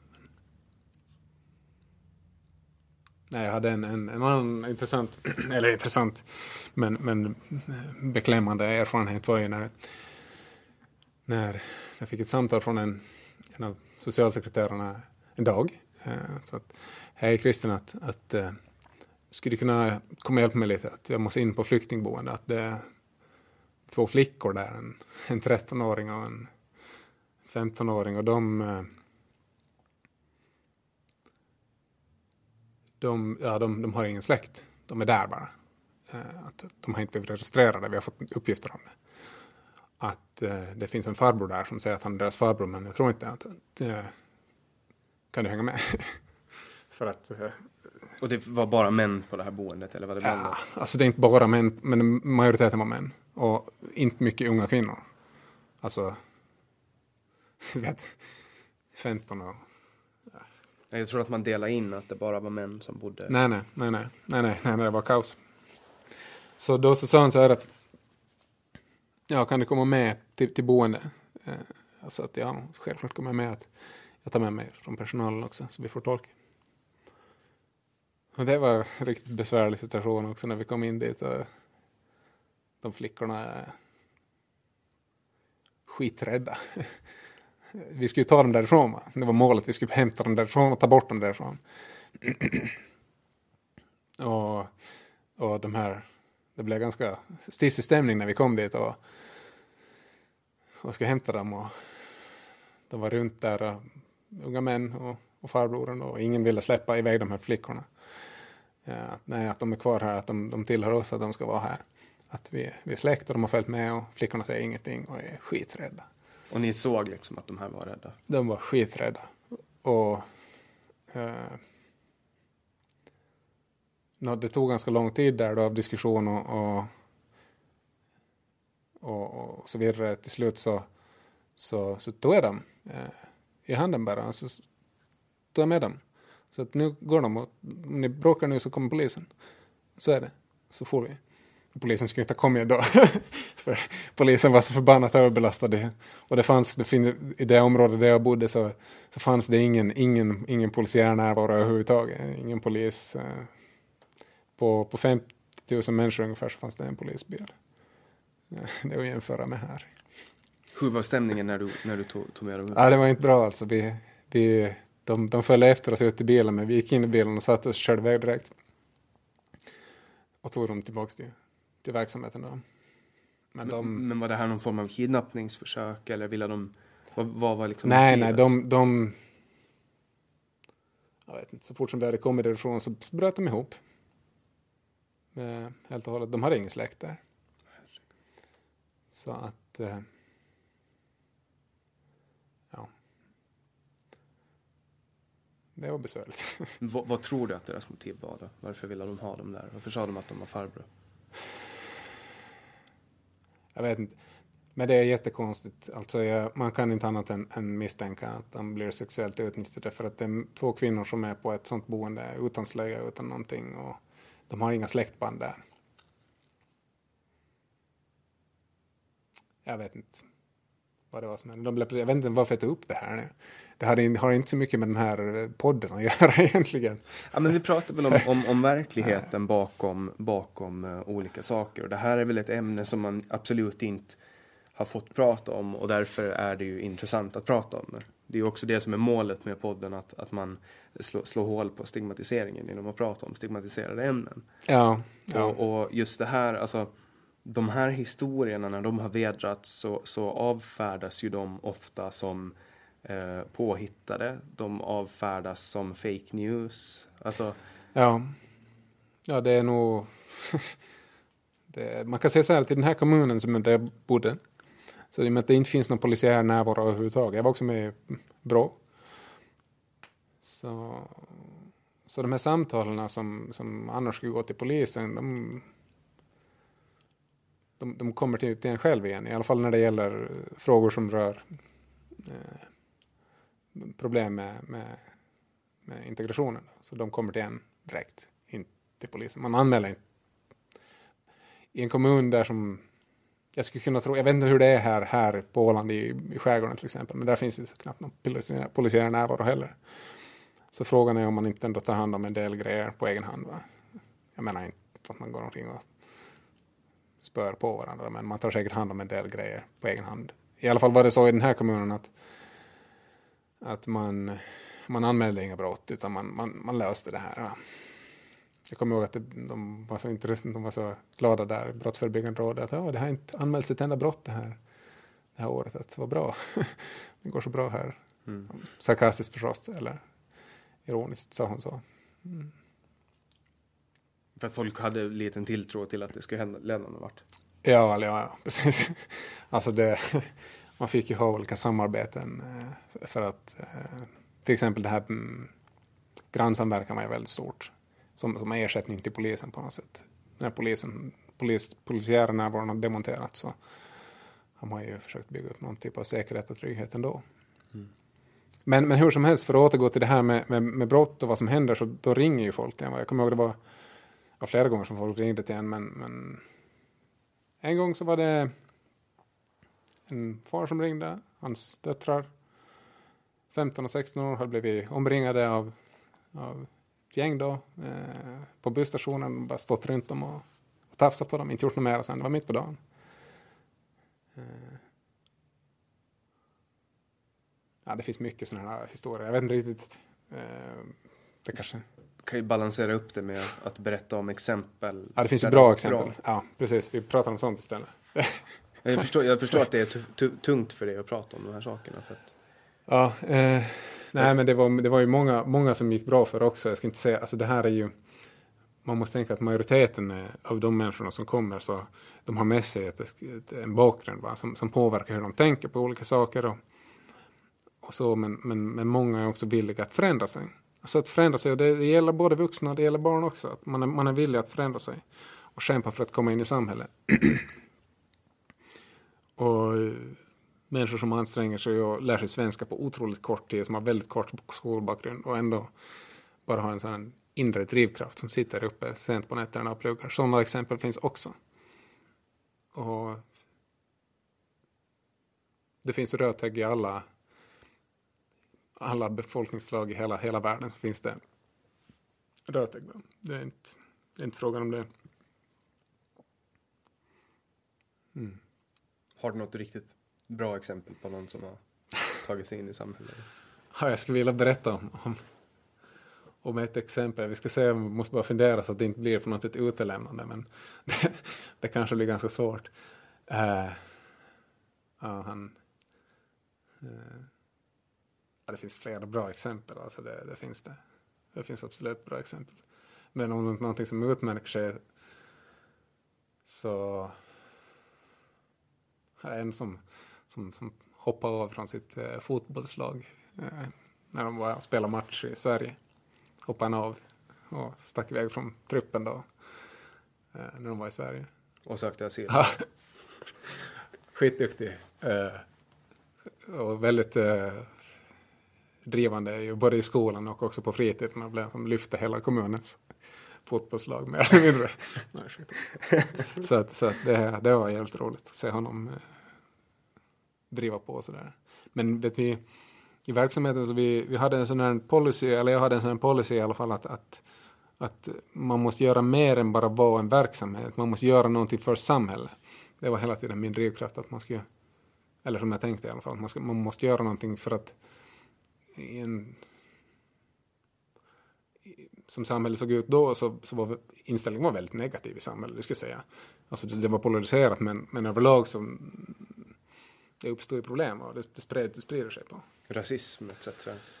Ja, och som har man ansvar för en, för en verksamhet som, som jobbar med integration så, så tänker jag att en, en av en av uppgifterna, om, även om det inte står formulerat någonstans, så borde man formulera det, det är att arbeta med civilsamhälle. Och påverka, liksom, för att det finns mycket fördomar. Människor har mycket fördomar och rädslor när det gäller människor som som de inte känner, som de inte är bekanta med. Alltså, all, allt nytt, allt nytt är, är, och främmande, det, är- det är människor rädda för, eh, generellt sett. Jag är ingen, inget undantag. Alltså, det är något nytt och främmande, så då är man lite på sin vakt. Så att har man ansvar för en, för en verksamhet som håller på att jobba med integration så måste en av uppgifterna vara att, att informera om sin verksamhet och nå ut till, till samhället och framförallt nå ut till de människorna som mm,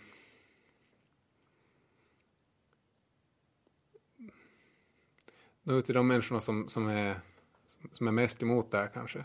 Som har minst erfarenhet av det. Alltså sen kan du ju vara emot det och ha erfarenhet av det, men då är det på något sätt underbyggt. Va? Men har du ingen erfarenhet av, av, av det och så, så då borde man skaffa sig det så man har en, en ordentlig grund att stå på innan man har en attityd om det. Förstår du vad jag menar? Ja. Visste du någonting om integration före du började jobba med det? Eh, nå, som sagt, jag läser ju. eh, Jag tänker så här att man, man läser man etnologi eller psykologi, eh, sociologi, så, så, så om du läser det här, någon av de här ämnena, så då kan du ganska lätt förstå eh, människor. Va? Och det är inte så långt steg sen att man börjar läsa lite interkultur, alltså hur, hur människor interagerar med varandra från olika kulturer. Så, så då får man ganska snabbt en grundläggande kunskap om det här. Nej, i början hade jag inte något mer än lite sociologi och studier och filosofistudier. Men, men efterhand som jag, jag jobbade och, så läste jag mer. Mm. Vi anlade till exempel en park bredvid, bredvid ett av de här ställena, eller bredvid, två av de här ställena. Där grabbarna arbetar idag för att få i ordning den så att vi ska sprida goodwill, om man ska säga. Mm. Var det kul att jobba med integration i den här kommunen? Mm. Mm. Utvecklande. Spännande. Säger mycket om, om hur människor beter sig. Och, Men du har jobbat som socialsekreterare också? jo, jo, absolut. Här på, både här på Åland och i Sverige? Nej, inte i Sverige. Bara här i, i, i Hammarland. Eh, har jag jobbat. Så du brinner för sociala frågor, det, det har vi ju märkt nu. Ja, eller det är ju det som jag egentligen halkat in på. Jag vet inte riktigt hur, hur det blev så. Från början, jag sa ju berätta vad jag, jag har lärare, men sen apotekare, och sen blev det den här beteendevetenskapliga utbildningen. Och det är ju det jag är intresse- intresserad av, hur människor fungerar och hur de tänker. Eh, Men nu läser jag ekonomi, så att eh, ja, man, man, humaniora, humaniora ämnen räknas inte så mycket i, i samhället. Va? Du, om, du, om, du har ett, om du har läst humaniora så då förväntas du arbeta med människor. De är ju inte, alltså, de är inte så välbetalda heller. Nej. Om man inte tar sig till toppen av förvaltningen. Liksom. Precis. Men det har väl att göra med att man, man, man kapitaliserar på att människor har eh, en vilja att jobba med det här. Jag tror det. Eh, Med det sagt så tror jag inte att det är någon skada. Ja, men det är som brandman till exempel. Ja. Alltså, för människor är det ett kall att jobba som brandman och därför kommer, därför kommer man undan med att ge de här hjältarna skitdåligt betalt. Ja, Och det är samma med sjuksköterskor. Liksom.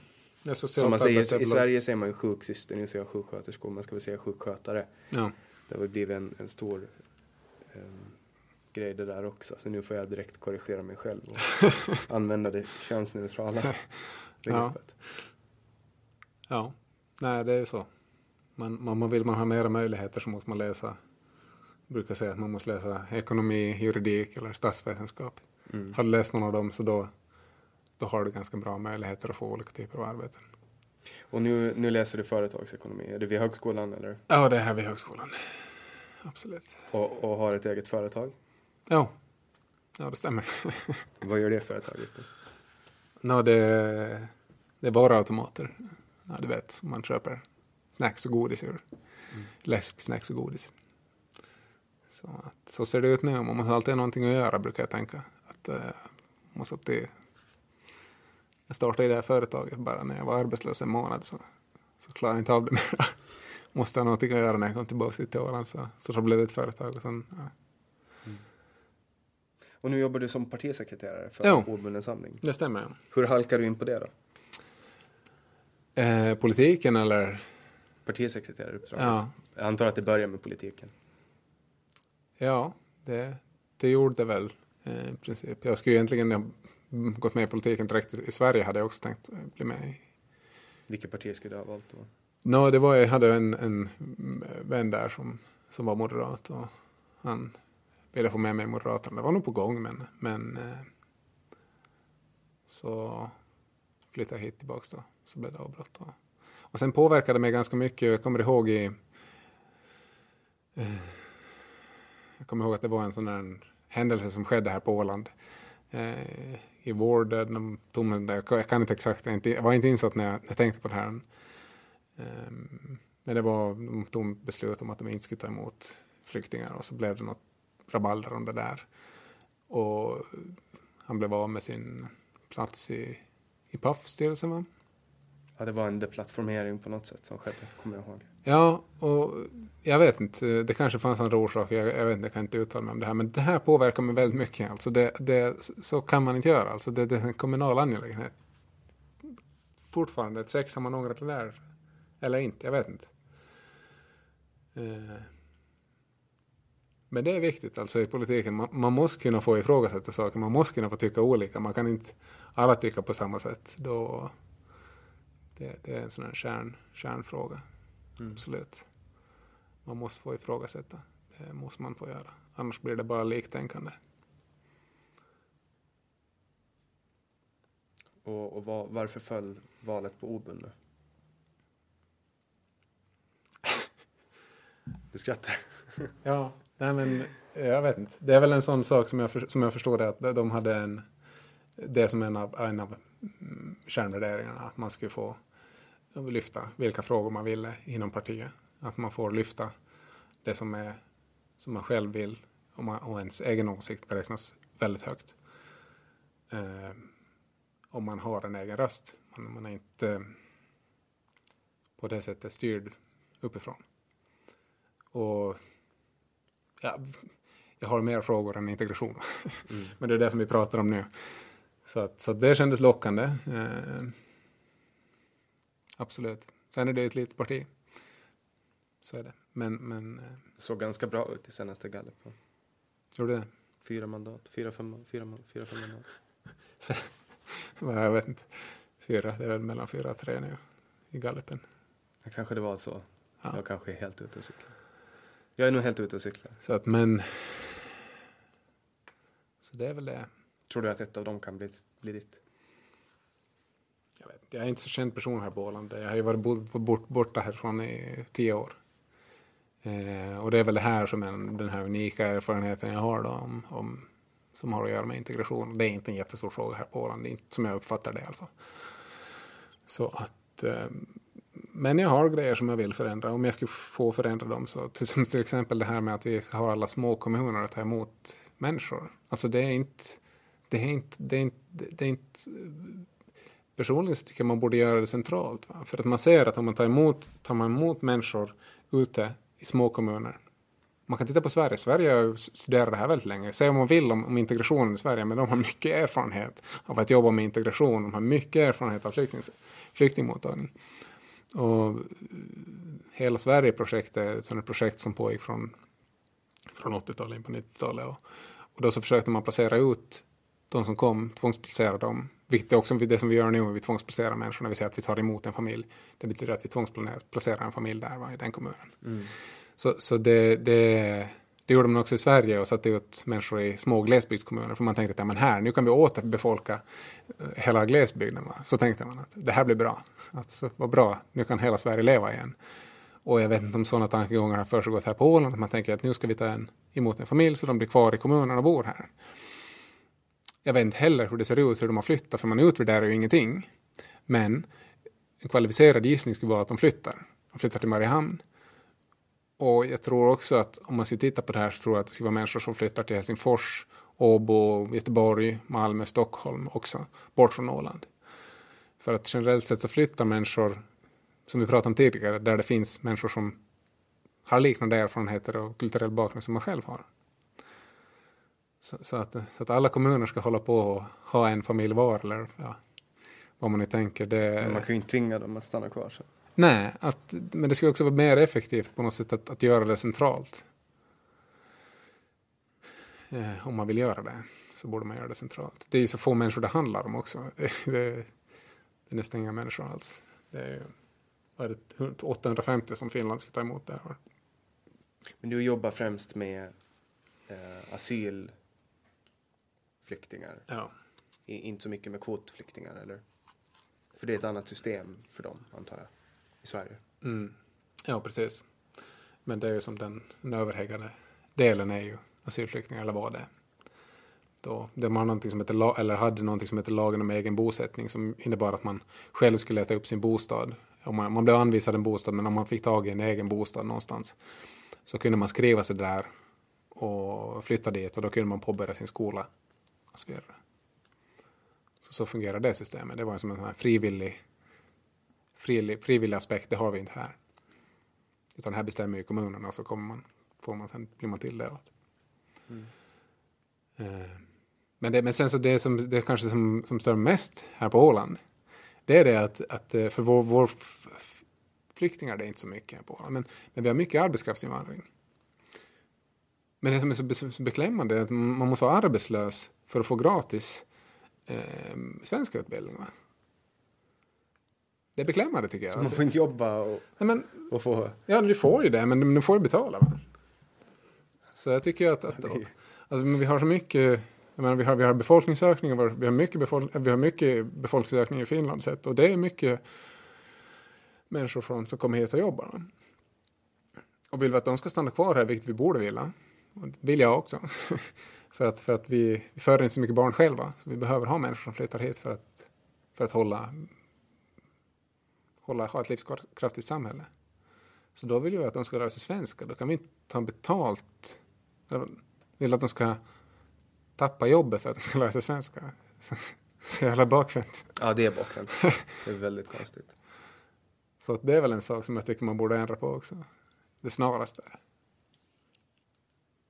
Hur, hur ser det ut inom partiet? Pratar ni mycket om, om integration eller är det du främst som gör det? Eh, nej, vi har inte pratat så mycket om, om flyktingar och integration på det senaste, ska inte säga. Mm. Men det är klart, det finns ju med som en fråga. Alltså den senaste valslagen var ja, obunden samling var väl ett av de partierna som, som var kritisk till flyktinginvandringen. Mm. Och mm, på något sätt ska jag väl säga att, att jag är kritisk till allt. men, men man måste se till att det fungerar. Jag, jag, blir väldigt, jag blir orolig också när man inte har ett system, när man inte har ett system för att utvärdera det här. När man inte kan jobba systematiskt. För att jag menar, jag tror inte att det här är sista vågen, eller vad ska säga. Nu, just nu har vi ju de yttre gränserna i Europa stärkts så och antagligen. Men, men jag menar, vi har fortfarande massor med människor på flykt i världen. Mm. Fast vi inte märker det nu. Så, är det fortfarande så. Och jag tror knappast att det kommer minska. Mm. Så jag tycker det, det finns en, en egen nytta att skapa ett system som, som fungerar den dagen som vi behöver använda det. Och det är någonting du vill kunna göra om du kommer in i lagtinget? Ja, ett, så kommunerna är de som tar emot uh, flyktingar men, men, men jag tycker att hela den här organisationen skulle kunna vara, vara under, ja, säg under AMS till exempel. De skulle kunna ha det. Vi har så många, vi har, vi har sju olika organisationer idag som jobbar praktiskt med det här. Ja, det, det känns. Som, I Sverige hade vi en, vi hade kommunen. Mm. Ja, Det är som eh, men det är kanske som det är mycket här på Åland, att det är splittrat. Va? Ja, man har slicat upp, man har slicat upp det liksom i olika delar. Ja, vi ska, ska försöka om jag kan räkna dem. Eller? Se, se, sen du kan.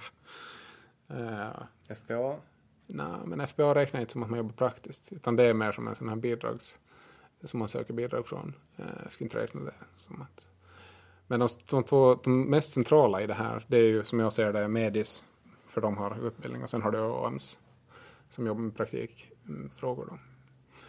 Eh, men du har också Kompassen, du har den här EU-projekten En säker hamn, Landskap jag de har varit här på föreläsningar. Eh, Kommunen och sen har du vänfamiljer via... Eh, tredje sektorn. ja. Så, okej. Men de här sakerna så gjorde vi inom kommunen. Mm. Inom en organisation. Arbetsmarknad och integration hette den organisationen. Varför kan vi inte ha samma här? Varför kan vi inte ha arbetsmarknad och integration här? AMI. Jag kan tänka mig att det finns folk som ska föra fram argumentet om att eh, det är olika organisationer som samarbetar och samverkar. Ja. Men, men, men varför, varför ska vi ha så många olika organisationer? De sitter inte på samma ställe. Har du någon praktisk erfarenhet av integrationen på Åland? Nej, jag har inte jobbat i bara det enda som jag har läst eh, hur lagstiftningen ser ut och hur eh, de här integrationsplanerna ser ut. Hur ställer du dig till invandring då? Är du kritisk till invandring? Nej, alltså invandring är nog någonting som vi behöver ha. Som jag sa tidigare också. Men alltså säger man bara hur, hur ska man, om vi pratar om flyktinginvandring och arbetskraftsinvandring, det är olika saker. Ja, och sen asylinvandring är en sak och, och flykting Ja, precis. Nå, jag kan säga som så att, att som nu så har vi ju de yttre gränserna har stärkts. Va? Och, och det kan finnas en poäng med det för att har vi inte ett system för det här i Europa har vi inte ett system i Europa för att, för att administrera det här korrekt så leder det till att vi blir splittrade i Europa.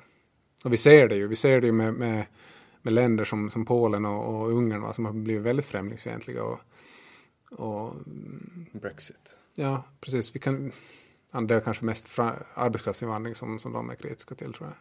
Den inre rörligheten med. Men ja, eh, så jag tycker att vi behöver ha ett system på plats. För att annars, tills vi har ett system på plats, tycker jag att det är helt bra att vi, att vi det måste vara ordning. Det, det är det viktigaste. Sen när vi har ordning, var- varför ska vi inte, då kan vi absolut fortsätta med det. Så länge det fungerar. För det måste fungera. Det måste alltid komma först. Vi kan inte bygga... Det blir ohållbart att bygga på något som inte fungerar. Som, som det ser ut i Sverige nu, till exempel. Det går inte att jämföra Holland och Sverige, men, men eh, poängen är densamma. Va? Man måste utvärdera och säga att det fungerar. Jag menar, i Sverige har man nu åtta år tar det för 50 procent av befolkningen att ha, få ett arbete eller sysselsättning. Av de som invandrar. Av de, av de som är utlandsfödda, precis. Jag menar, Sverige har ett av Europas lä- lägsta arbetslösheter. Va? Har de 6 procent ungefär, lite under 6 procent 2018 siffror. Eh, men tittar du bland utlandsfödda så är det se- 16 procent. Och jag menar, jag vet inte hur det ser ut här. Det behöver, jag tror inte att det är ett problem heller, att allting verkar fungera bra här. Men det oroar mig när man inte utvärderar det. Det gör det. Va- Varför tror du att man inte gör det? För att man inte har tänkt på det eller för att man vill dölja någonting eller för vad, vad kan motivet vara? Nej, jag vet inte. Jag, vet inte. Jag tror att det skulle vara lättare också om, om man hade det centralt, alltså i en organisation. Eh, för nu är det som att alla har ett litet ansvar som de ansvarar för och det är ingen som har ansvar för helheten. Va? Du vet, Medis har ansvar för, för språkundervisning, AMS har ansvar för kritik, Rädda Barnen har ansvar för vänfamiljer och så vidare. Vem är det som ska ta ansvar för att utvärdera alltihopa det? Är det landskapet? Kanske. Jag vet inte. jag tycker kanske inte att landskapet borde vara involverad så mycket överhuvudtaget i den här. För det är en praktisk fråga. Det är en, Ja, sen så har vi 16 kommuner som har fullt upp också. ja.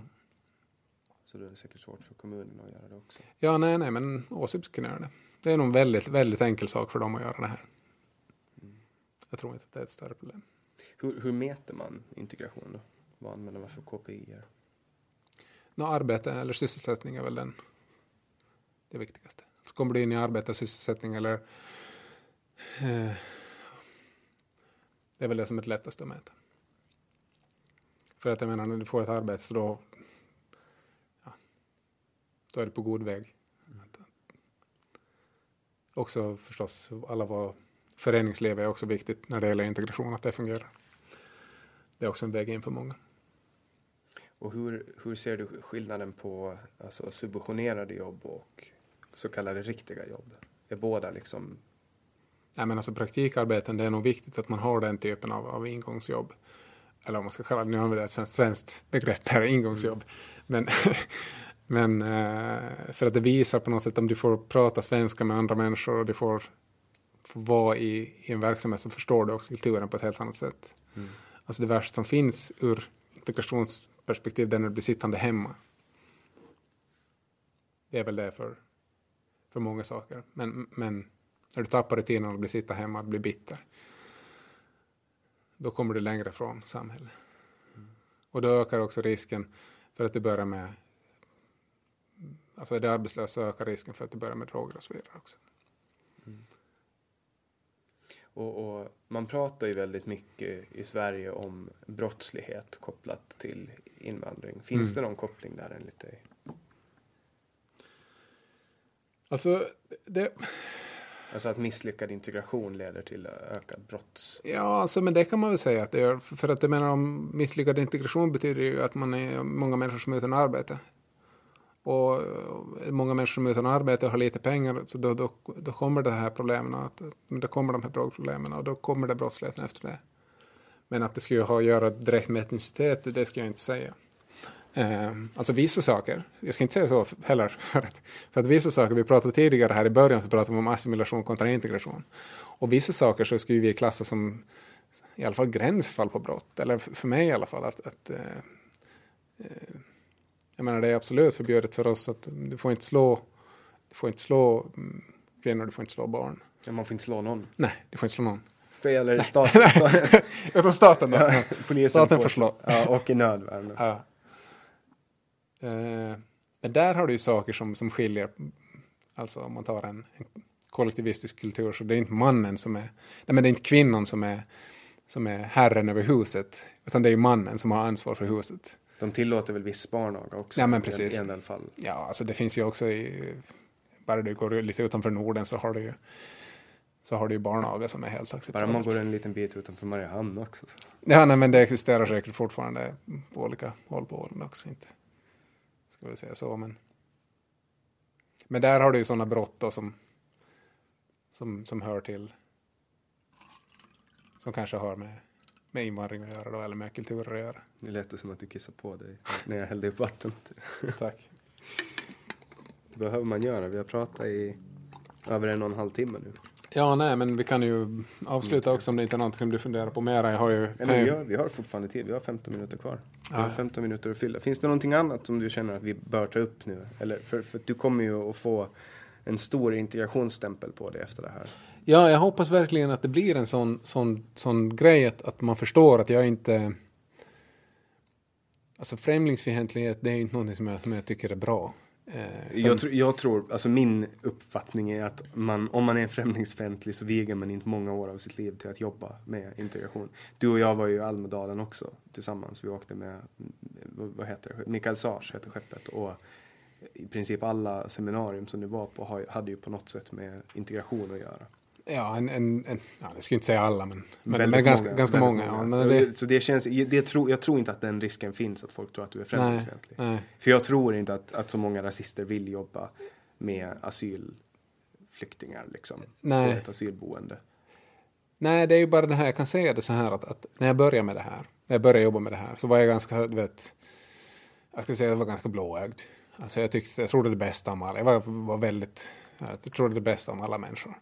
Och jag kan säga att jag har blivit betydligt mer cynisk sen, jag, sen jag började med det här. Jag, jag, eh, och mer, mer realistisk skulle jag säga när man, man ser på de här frågorna. Att man behöver se klart på de här frågorna. Man kan inte, man kan inte blunda för de problemen som finns. Man kan inte göra det. det så på det viset så, så har jag väl påverkats av de här. Ja, absolut. Lite mer nykter syn på, på invandring ska jag säga att jag har. Så du var, du var mer öppen för öppna gränser innan du började jobba med det och sen har du liksom ja, på vägen korrigera din... Ja, jag, nu, nu så tycker jag inte att, att det, är, det huvudsaken måste vara att det fungerar. Det måste vara huvudsaken alltid. Och vi kan göra mycket för att få det att fungera. Det är lättare att, göra, att få det att fungera om vi kan öppna en ärlig diskussion om det här. Mm. Att, att, att hålla på som den här polariserade diskussionen, det är ingen som vinner på det. Mm. Men det har ju släppt nu. Ja, det har det gjort. Alltså nu får man ju prata om invandring och integration. Ja, men jag hörde också på de här talen som de höll här, de här partiledartalen. Så de var ju väldigt så här, de var väldigt polariserande, pratade om hårda tag och så vidare. Att jo, okej, det låter bra, men vad betyder det här på riktigt? Alltså, menar, du kan inte ut... Det som man inte tar upp är, är den här faktiska svårigheten att utvisa någon. Mm. Det är ju i princip omöjligt för en stat här uppe att, jag vet inte hur det ser ut, men, men att utvisa en, en människa som, mot sin vilja. Alltså, hur ska du göra det? Ska du ha något gigantiskt häkte där du förvarar alla tills dess att du ska med tvång släpa ombord dem på ett flyg och typ släppa av dem med fallskärm någonstans där? Jag menar, många länder vill inte ta tillbaka sina människor. Nej, det... Eller sina människor, eller sina människor, vad pratar men vet. Ja, nej, speciellt inte om de är brottslingar och har begått ett brott här. Alltså... Nej, men hur ska man göra det då, rent praktiskt? Det finns ju en stor underklass i Sverige idag, en växande underklass, alltså med människor som är papperslösa, som helt saknar rättigheter. Som arbetar. Det är som, man, man, man tittar på den här äh, Trump och muren och det här. Han vill bygga en mur för att stoppa alla illegala invandrare. Va? Fast, fast uh, USAs ekonomi i Kalifornien är som beroende av människor som, som kan jobba illegalt och skörda frukter. Ja. Och, och, olika spannmål. Och, och jag vet inte om en liknande sak håller på att byggas upp i Sverige där vi har människor som, som sköter de, de, de minst attraktiva jobben på arbetsmarknaden. Mm. En, ja, och då blir ju på något sätt, efter ett tag så blir ju samhället Ja, då, är det, då är det därför som de här människorna de, de jobbar för väldigt lite som, som man kan få sina billiga frukter eller ja, men har. Mm. Billiga frukter var kanske en, en dålig liknelse. Nej men jag förstår vad du menar. Alltså någon ska ju utföra de jobben också. Ja. Och, och, bara för att man är arbetslös så betyder ju inte det att man vill göra vad som helst. Alltså om man är en åländsk arbetslös person så betyder ju inte det att man vill göra vad som helst liksom. Nej, det, så, tro, så utgår ofta politiker ifrån att... Nej, men då är det ju också, du har ju, ah, ursäkta, jag avbryter dig. Nej, nej, shoot. Nej, men då har du ju också en, ett socialt skyddsnät. Alltså människor som är papperslösa har inget socialt skyddsnät, så de måste. Mm. Så, så det är det.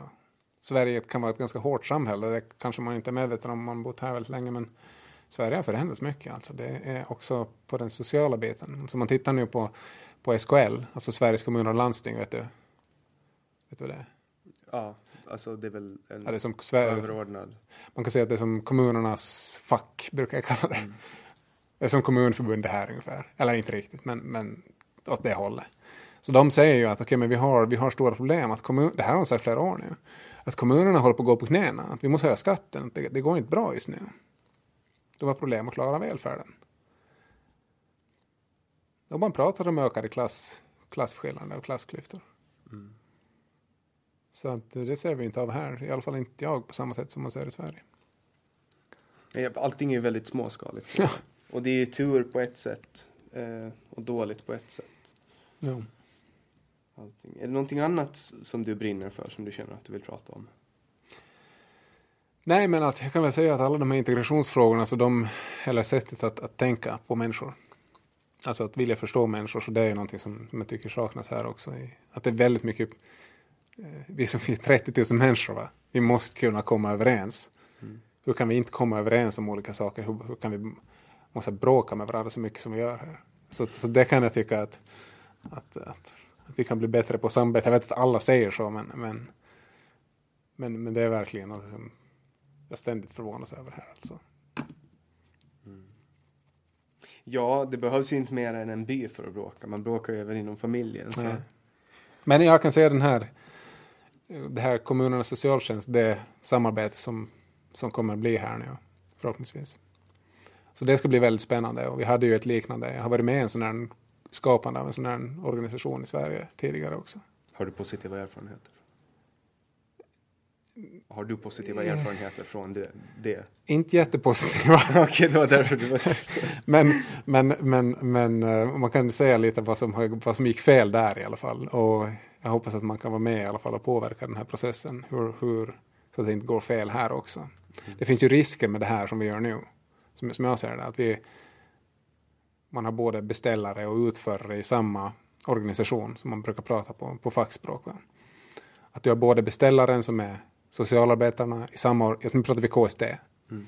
så har du både beställarna i samma organisation som också är utförarna, alltså omsorgsförbundet eller man ska säga, som är nu.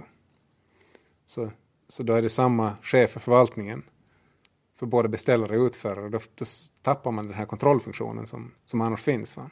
Mm. Alltså idag finns det en kontrollfunktion med att eh, kommunerna tar beslut själva i sina kommuner och sen så utför omsorgsförbundet. Mm. Och då då kan kommunerna klaga om inte Ja, precis. Man, man, man, kan klaga. Och det kan man säkert göra via ett kommunförbund också, fast det blir mycket längre och luddigare vägar när det blir kommunförbund. Det är en av de stora grejerna, att man tappar kontrollen över kommunförbund. Det är en sån här farozon som finns. Mm. Och då finns det risken att antingen att nivån sjunker, att lägsta nivån sjunker, Alltså det aldrig blir lika över hela Åland med det här.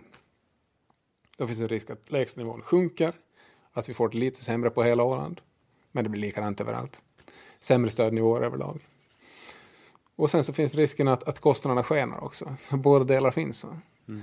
Och det är det här som är orolig för, att det inte finns någon ordentlig kontrollfunktion för det här. Alltså det är verkligen viktigt att de som sitter med i styrelsen är kompetenta och, och kan hålla koll på det här.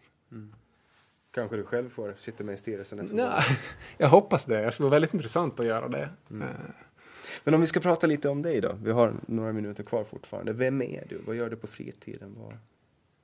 För nu har vi bara pratat jobb. Jo, jo, vi har bara pratat om... Om, om... om ditt val av yrke. Ja. Och din misslyckade apotekare. man ska bli apotekare. Jag tänker det flera gånger. Man ska bli apotekare eller lärare alltså. Lärare här på Åland, det är, det är helt bra jobb det alltså. Det är ja. inte som i Sverige. Det. Och apotekare, så då har man nog ganska...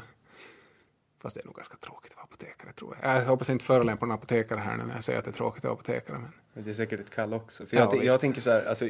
Det är säkert intressant att organisera. Nu ska jag säkert tycka det är jätteroligt att vara apotekare. Men min, min syn av en apotekare är ju att det är en person som hämtar mediciner som man ska ha. Och som hjälper en navigera i butiken. Men det krävs ju en jättelång utbildning. Jo, jo, men det måste ha expert, expertis i, inom medicinteknik och, och hur, hur mediciner fungerar.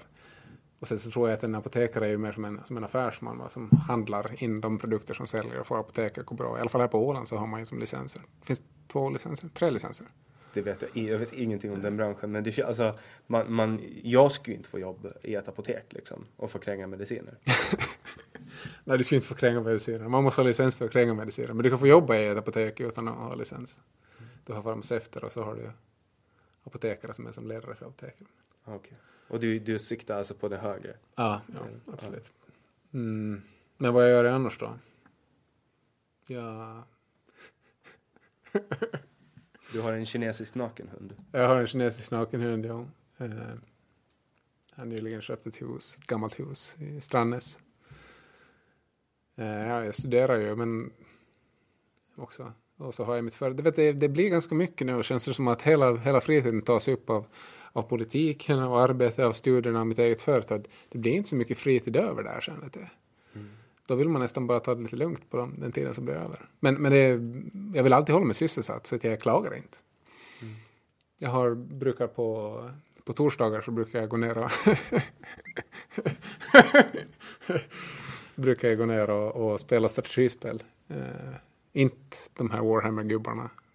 Vi skämtade, vi skämtade lite om det. Så fort, så fort du nämnde bergsskyddet i en diskussion som vi hade så frågade jag om du var måla Warhammer-gubbar. Nej, det är inga Warhammer-gubbar. Och då sa du att alla tror det. jag vet, det är sådär, så fort man nämner det så är det någon som tror att, men det kan ju kanske hjälpa till att få bort här. Att man, Mask handlar inte om Warhammer-gubbar. Inte. Man, man spelar liksom, avancerade monopolspel kan man kalla det. Som risk kanske, fast mer svårare. Ja. Mm. Det är utmanande för huvudet, det är det som jag vill ha, utmaningar. Det trivs jag med, då mår jag bra när jag får utmaningar. Det är väl en utmaning att, att administrera ett parti som du gör nu? Men det nästan, men nästan ingen i... budget, för nu har ju inte så jättemånga mandat. Så.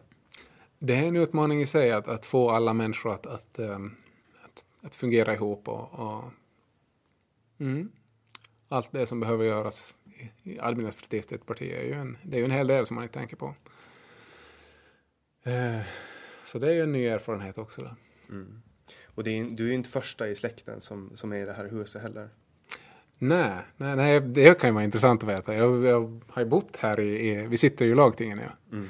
Jag, har ju, jag, har ju, jag är uppvuxen i, till viss del, i alla fall de första åren, tills jag var tio ungefär.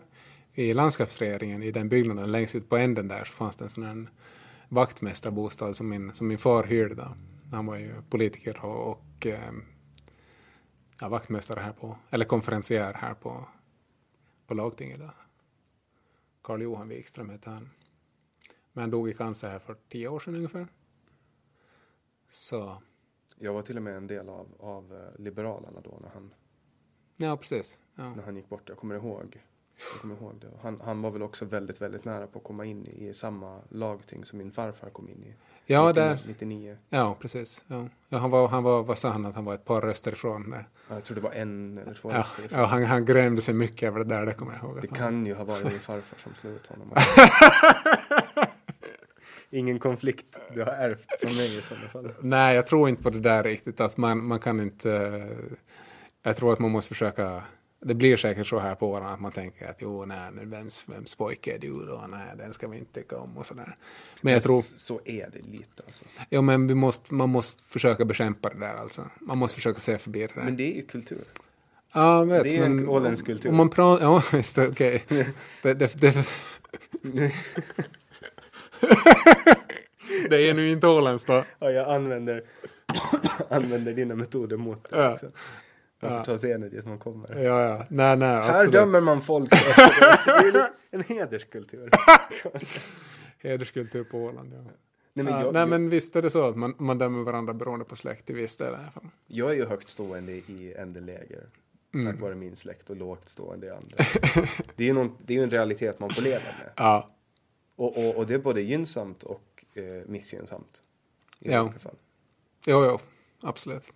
Ja. Jag tänker att man, jag försöker att, försöker i alla fall att man, man över partigränserna också um, försöker försöker sig förbi det. Alltså, för att Ålands bästa borde vara framför allas ögon. Mm. Eller så är det för mig i alla fall, med, med prestige och sådär att, att det är som var man med i ett litet parti var en en um, en annan medlem i, i partiet som sa sådär att jo, att när man är med i ett litet parti så så då så, mm, man kanske inte är den som, som får äran för, för ett beslut, va? men man kan föda en tanke. Mm. Man kan föda en tanke och man kan, man kan bidra till att det blir någonting även om det inte blir ens eget namn som står under det på slutet. Så jag menar, jag tror att man fortfarande kan påverka fast man är ett litet parti i opposition. Mm. Eh, en klen tröst för en oppositionspolitiker. Eh, nu, var jag, nu var jag lite förminskande, förlåt. Ja, nej, men det här är ju din, det här är din tes det här. Det är klart, det är med ett av de stora partierna, men, men jag tror inte att man behöver vara det för att påverka. Eller man behöver inte vara det, jag är helt säker på det. Utan man kan... Det är en helt annan verklighet att väl sitta i regeringsställning sen, för då måste man, måste man förhandla med andra partier i regeringsställning och då och så finns oppositionen där som ett brus hela tiden. Ja, ja. Ja, nej, men det behöver finnas det där bruset också. Det är deras jobb. Mm. och ifrågasätta. Och jag skulle tycka det var jättekul om, om både du och jag kom in i. Främst jag då. Ja. jag tror att det skulle vara kul att, att leva i en sån verklighet också. Jag tror att vi, du och jag skulle kunna samarbeta bra. Ja, det, det tror jag att vi skulle kunna göra. Absolut. Och vi har haft ett bra samtal. Vi har fyllt upp, vi har fyllt upp vår kvot av tid nu och det känns som att, som att det har varit ett bra samtal. Ja, jag tyckte det var, var ett bra samtal det här. Jag hoppas att det var intressant för, för de som lyssnar. Och, eh, ja, hör av er om ni vill prata mera. Det jag finns här. Och, är det någonting som jag har sagt som ni tycker är fel så säg till då. Vi har väl ett något någon slags kommentarsfält. Ja, det brukar bli liv i luckan ibland när vi pratar om känsliga ämnen och jag hoppas ju alltid att det ska bli liv i luckan för att vi vill ju vara en debattstartare. Och om du som lyssnare känner att du har någonting du vill säga så kan du alltid gå in och kommentera på vår Facebook-sida. Du får jättegärna dela filmerna som vi släpper varje onsdag när vi har en ny gäst. Det är bästa sättet som du kan vara med och stödja den här podden. Du kan också prata om den här podden, berätta om den för din farmor, för din pappa, för din mamma och dina syskon och alla dina vänner om du har några. Om du inte har några, så dina kollegor. Och varje onsdag släpper vi ett nytt avsnitt. Som du vet hittar du det på www.samtal.ax. Där kan du också tipsa om nya gäster som du vill se. Anonyma tips, absolut, helt garanterat. Ehm, du hör oss som vanligt igen nästa vecka. Eh, Och om du lyssnar på det här i efterhand så kan du gå in och lyssna på alla avsnitt som vi har, som finns på www.samtal.ax. Jag som pratar heter Jannik Svensson. Producent för det här avsnittet är Didrik Svan. Du har lyssnat på Säg vad du vill Åland.